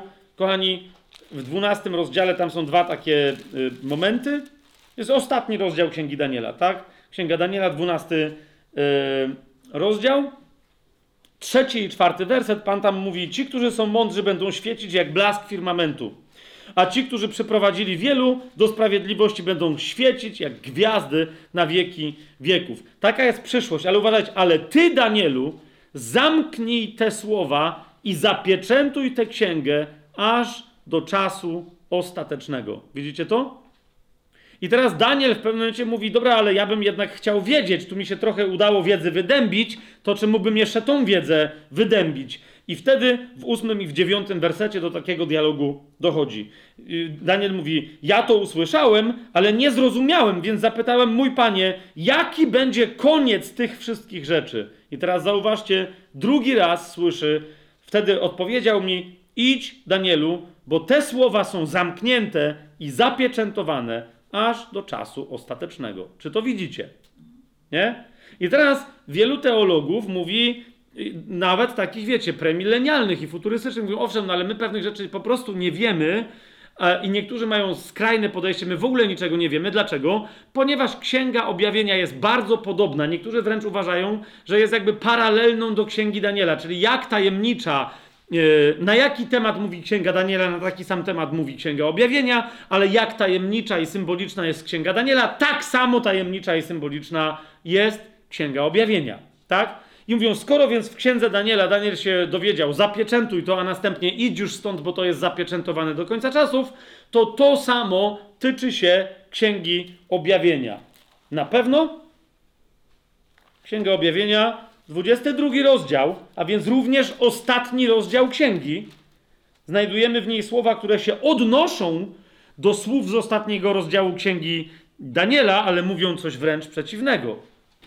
22 rozdział, 10 werset. Potem powiedział do mnie: Nie pieczętuj słów proroctwa tej księgi, bo czas jest bliski. Czy to jest jasne? Niektórzy powiadają, no nie, Fabian, nie jest to jasne, ponieważ nadal nic z tej księgi nie rozumiemy. To zaraz sobie wyjaśnimy, które rzeczy są nie do zrozumienia, ale które jednak rzeczy są do zrozumienia. Tylko pytanie brzmi, czy naprawdę ta księga jest tak samo zapieczętowana jak księga Daniela? Nie! Słowa tej księgi nie są zapieczętowane. I teraz, kochani, wrócimy do tego pierwszego rozdziału, pierwszego wersetu, co też tam jest rzeczywiście powiedziane. Tak? Macie pierwszy rozdział, pierwszy werset? Zobaczcie. Ten pierwszy rozdział mówi następującą rzecz. I możecie sobie to potem sprawdzić po grecku, poszczególne wyrazy. Ja się tylko do jednego odniosę, który tu jest niezwykle znaczący. Ponieważ jak ostatni rozdział mówi, słowa tej księgi nie są zapieczętowane, tak ten wyraz wszystko nam naprawdę obiecuje. Żeby nie rzec, że wyjaśnia.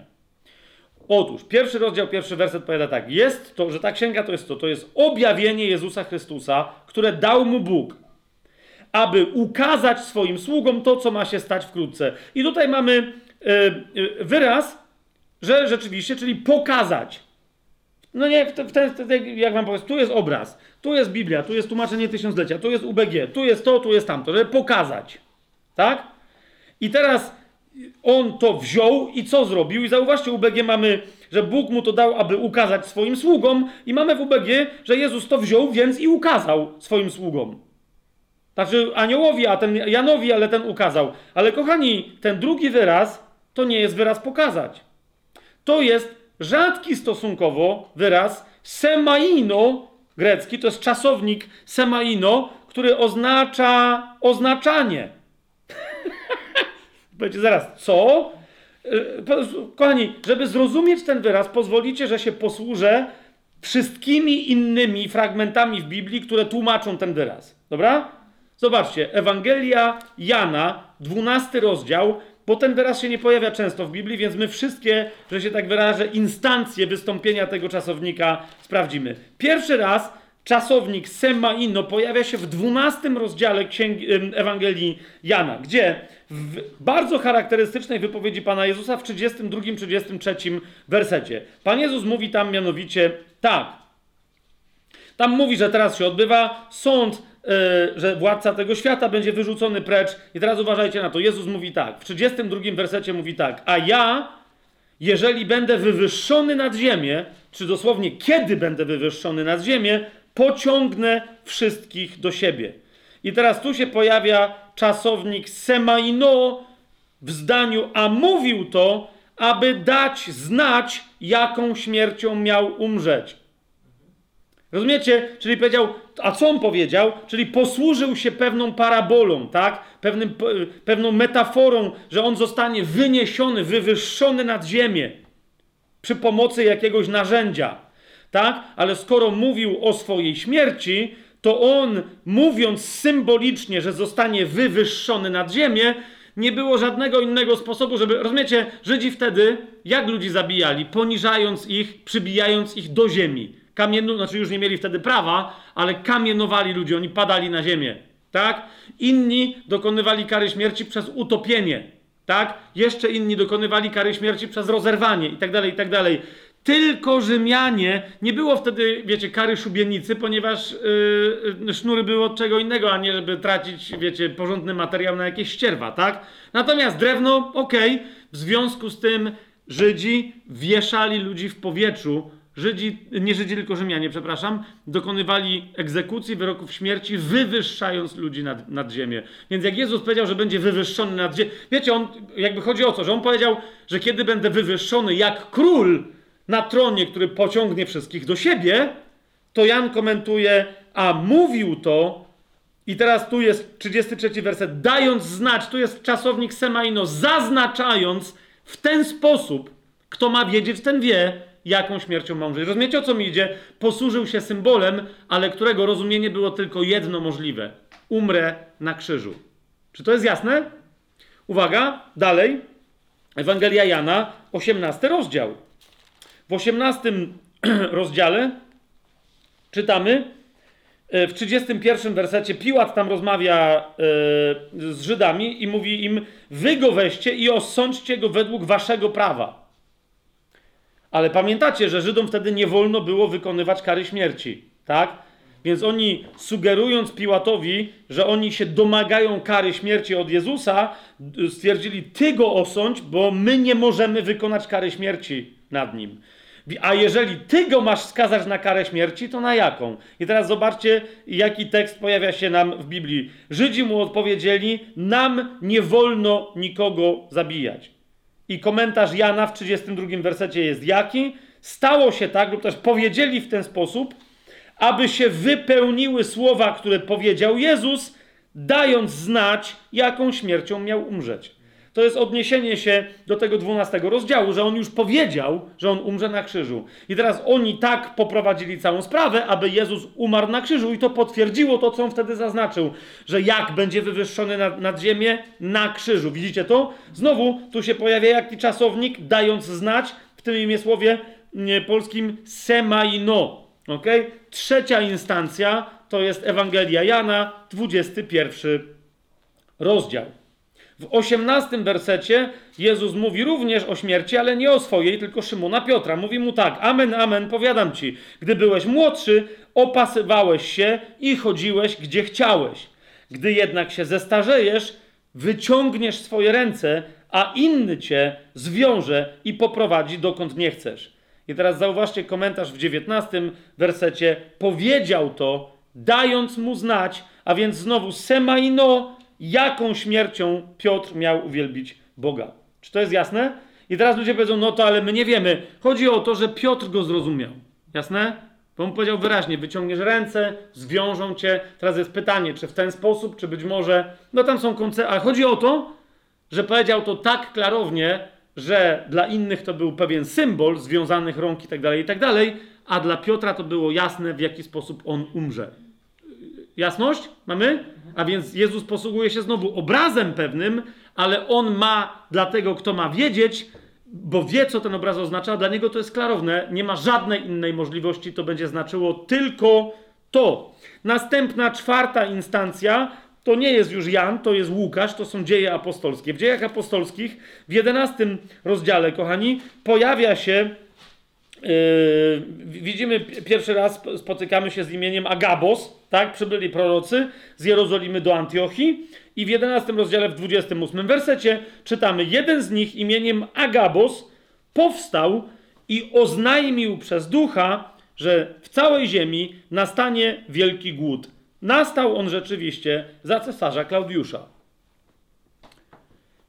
No i teraz gdzie się pojawia tutaj? Ponieważ tu również pojawia się czasownik semaino. I teraz zobaczcie, normalnie nasze tłumaczenie jest jakie? Że Agabos wstał i powiedział, na całej ziemi będzie głód. Ale my wiemy z następnych, znaczy z następnego wystąpienia, jak Agabos wraca, pamiętacie, że Agabos tak nie robi. Agabos nie mówi. Agabos robi jakiś znak. Pamiętacie, wziął sobie pas Pawła i powiedział, człowiek, do którego należy ten pas, zostanie tak samo związany i potem, to nie idź do Jerozolimy. Pamiętaj, to był Agabos. I teraz uważajcie, jak dokładnie brzmi to zdanie. I Zauważcie, jak, jak zmieni się teraz niektórych z nas postrzeganie tej sceny.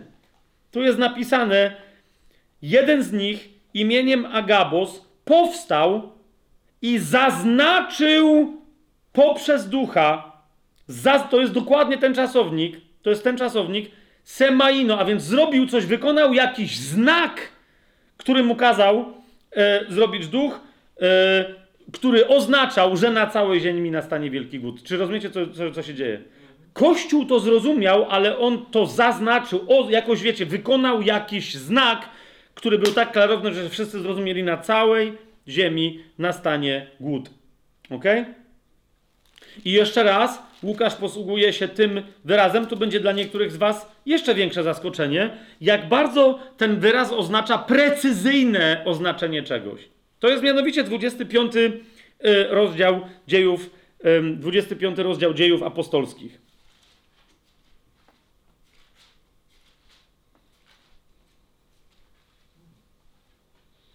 I w 25 rozdziale dziejów apostolskich e, Festus tam przemawia do króla Agrypy i w pewnym momencie to jest bardzo istotne, ponieważ mówi jedno konkretne zdanie, w którym się posługuje czasownikiem semaino. To jest 27 werset. Tak, w 26 mówi, kazałem, nie mogę jednak o nim napisać mojemu panu nic pewnego, dlatego kazałem go stawić przed wami, a zwła- o, to mu jest o Pawle, a zwłaszcza przed tobą, królu Agryppo, abym po przesłuchaniu miał co do napisania. Dlaczego? 27 werset Festus mówi, bo wydaje mi się nierozsądne posyłać więźnia, no zwłaszcza wiecie, do cesarza, uważajcie, bez podania konkretnego zaznaczenia, opisania stawianych mu zarzutów.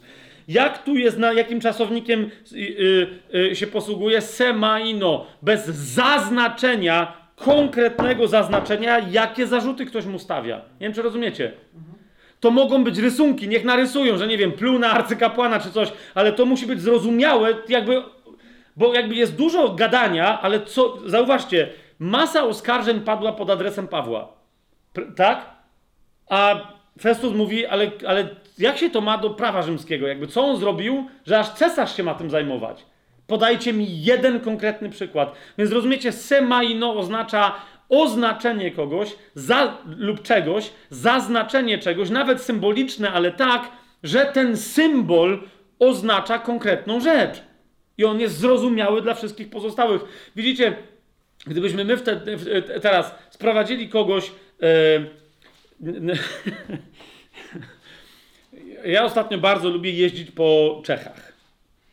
Nie? E, e, I oglądać e, i uczyć się czeskich znaków drogowych. No nie? One są, czasem jeździmy i czasem nawet z Czechami się śmiejemy z tych znaków drogowych. Na przykład, że jest ostrzeżenie, uwaga, tędy przejeżdżają rowerzyści w kapeluszach. No nie?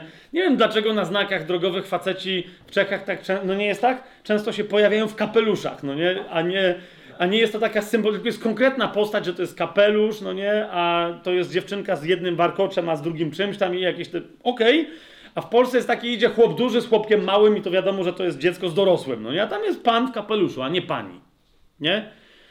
Jasne, ale powiedzmy, przyjechałby y, ktoś do Polski i nie wiedziałby, co oznacza y, białe kółko z czerwoną obramówką. Co ono oznacza w, w Polsce? A kompletny, za, za, nie, nie tylko zakaz poruszania, tylko zakaz ruchu, prawda? No widzicie, nawet my teraz musimy czekać, co to na... No to jest pewne, że to nie jest te, to kółko z tym takim, tą belką taką, tylko to jest takie, no tam nie ma w ogóle, daj spokój. No nie, tu odtąd się trzeba, od tego znaku należy się odbić, nie? No ale wiecie, jak ktoś jedzie i nie wie, co to znaczy, to może jechać dalej, tak? No to dlatego trzeba się zapoznać ze znakami w danym kraju, ale to jest to, tak? Co oznacza białe kółko z czerwoną obramówką? Absolutny zakaz ruchu w tamtą stronę, na tamte, od tego znaku dalej. A nie oznacza, że w- tym miejscu komuś objawiło się białe kółko w czerwonej obramówce, czy coś w tym stylu. To nie oznacza, że od tej pory e, dla, dla mnie biel oznacza czystość serca, cze- więc, więc od tej pory mogę tu jechać samochodem pod warunkiem, że moje serce zostało oczyszczone krwią Chrystusa. Wiecie o co mi chodzi? Nie, bo spotka cię policjant i powie, no cieszę się bardzo, gratuluję nowonarodzenia, ale tu nie wolno jeździć, mandat, tak? Rozumiecie o co mi idzie? I teraz jeszcze raz otwórzmy sobie, bo następna instancja, następne zastosowanie tego czasownika to jest dopiero Księga Objawienia i ostatnia jednocześnie w Biblii to jest Księga Objawienia, pierwszy rozdział, pierwszy werset. Tak? Objawienie Jezusa Chrystusa, które dał mu Bóg, aby ukazać swoim sługom to, co ma się stać wkrótce. I on to im rzeczywiście zaznaczył i posłał to przez swojego anioła em, swojemu słudze Janowi. Widzicie to? To, co tutaj tysiąclatka mówi, o, oznajmił przez niego za pomocą znaków, nie, nie, nie. On to oznaczył znakami, ale nie, które są do dowolnej interpretacji, tylko jeszcze raz zauważcie, każda inna instancja w Biblii mówi, że kiedy Jezus posłużył się symbolem, to po to, żeby to było zrozumiałe, jaką śmiercią ma umrzeć, tak? Że y, prorok, kiedy się posłużył tym oznakowaniem, to po to, żeby wszyscy wiedzieli, że przyjdzie głód na całą ziemię, tak? Kiedy prosi o takie oznakowanie Festus, to mówi, zaznaczcie mi chociaż jedną winę, żebym miał co napisać do pałacu cesarskiego i tak dalej, i tak dalej. Czy to jest jasne? I tu mamy ten czasownik, że Jezus to objawienie, które otrzymał od Ojca, zapisał takim językiem, aby ono oznaczało konkretne rzeczy dla tych, którzy rozumieją Jego język. A co jest Jego językiem, kochani? Jego językiem jest język Biblii. Zatem, aby zrozumieć przekaz Księgi Objawienia, musimy, wracamy i kończymy na tym, od czego zaczęliśmy, potrzebujemy zobaczyć, jak Księga Objawienia cytuje inne fragmenty Biblii. Jak zjawiska, rzeczy, zagadnienia, tematy, które porusza Księga Objawienia, już są poruszone w innych księgach Biblii i w innych miejscach Biblii, aby zrozumieć, że Księga Objawienia zgadza się z tamtymi informacjami i w jaki sposób te informacje konkluduje. Czy to jest jasne? Tak? A więc jak posługuje się już do tej pory e, e, e, wykorzystanymi w Biblii znakami i symbolami oraz tym, że one zostały opisane jak już zdefiniowanymi hasłami, wcale nie tajemnymi, symbolami i znakami posługuje się Księga Objawienia, aby nam ujawnić kolejne konkretne dane na temat, o którym my już coś wiemy, a teraz możemy wiedzieć jeszcze więcej. Tak? To w pierwszym rozdziale, w pierwszym wersecie zaznacza nam natchniony autor. To jest księga, księga która naprawdę ujawnia. Ostatnie zdanie, jakie mam napisane na dzisiejszy wykład w moich notatkach, brzmi: Księga Objawienia mówi językiem obrazowym, który wszakże zaznacza bardzo konkretnie i oznacza wszystkie potrzebne nam konkrety, tyczące się oczywiście tego zakresu e, dziejów, który jeszcze jest przed nami zazwyczaj w przyszłości, tak? Owszem, pewnych rzeczy my nie będziemy wiedzieli z Księgi Objawienia, tak? Ale, e, mm, e, ale otrzymamy takie zaznaczenie, które nam jest potrzebne. A więc co my, czego my się mamy dowiedzieć z z Księgi Objawienia, mamy się dowiedzieć. To nie jest księga do zabaw w dowolne interpretacje, reinterpretacje tych interpretacji itd., itd. To jest księga do odczytania według konkretnego kodu, który to kod został nam przedstawiony, który to szyfr został nam przekazany, abyśmy byli w stanie odszyfrować Księgę Objawienia w całej reszcie Biblii. Mamy jasność w tej kwestii?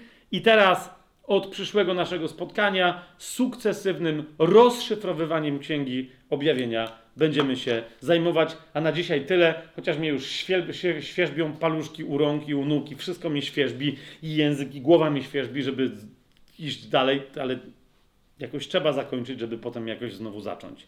Mamy cały sezon, całe trzy miesiące, e, żeby się tą księgą, jeszcze raz przepraszam, wstępem do tej księgi, wstępem do, do otwarć głębszych komentarzy zająć. Na dzisiaj tyle. Pięknie Wam dziękuję. Do następnego. Maranata, przyjdź Panie Jezu. Amen.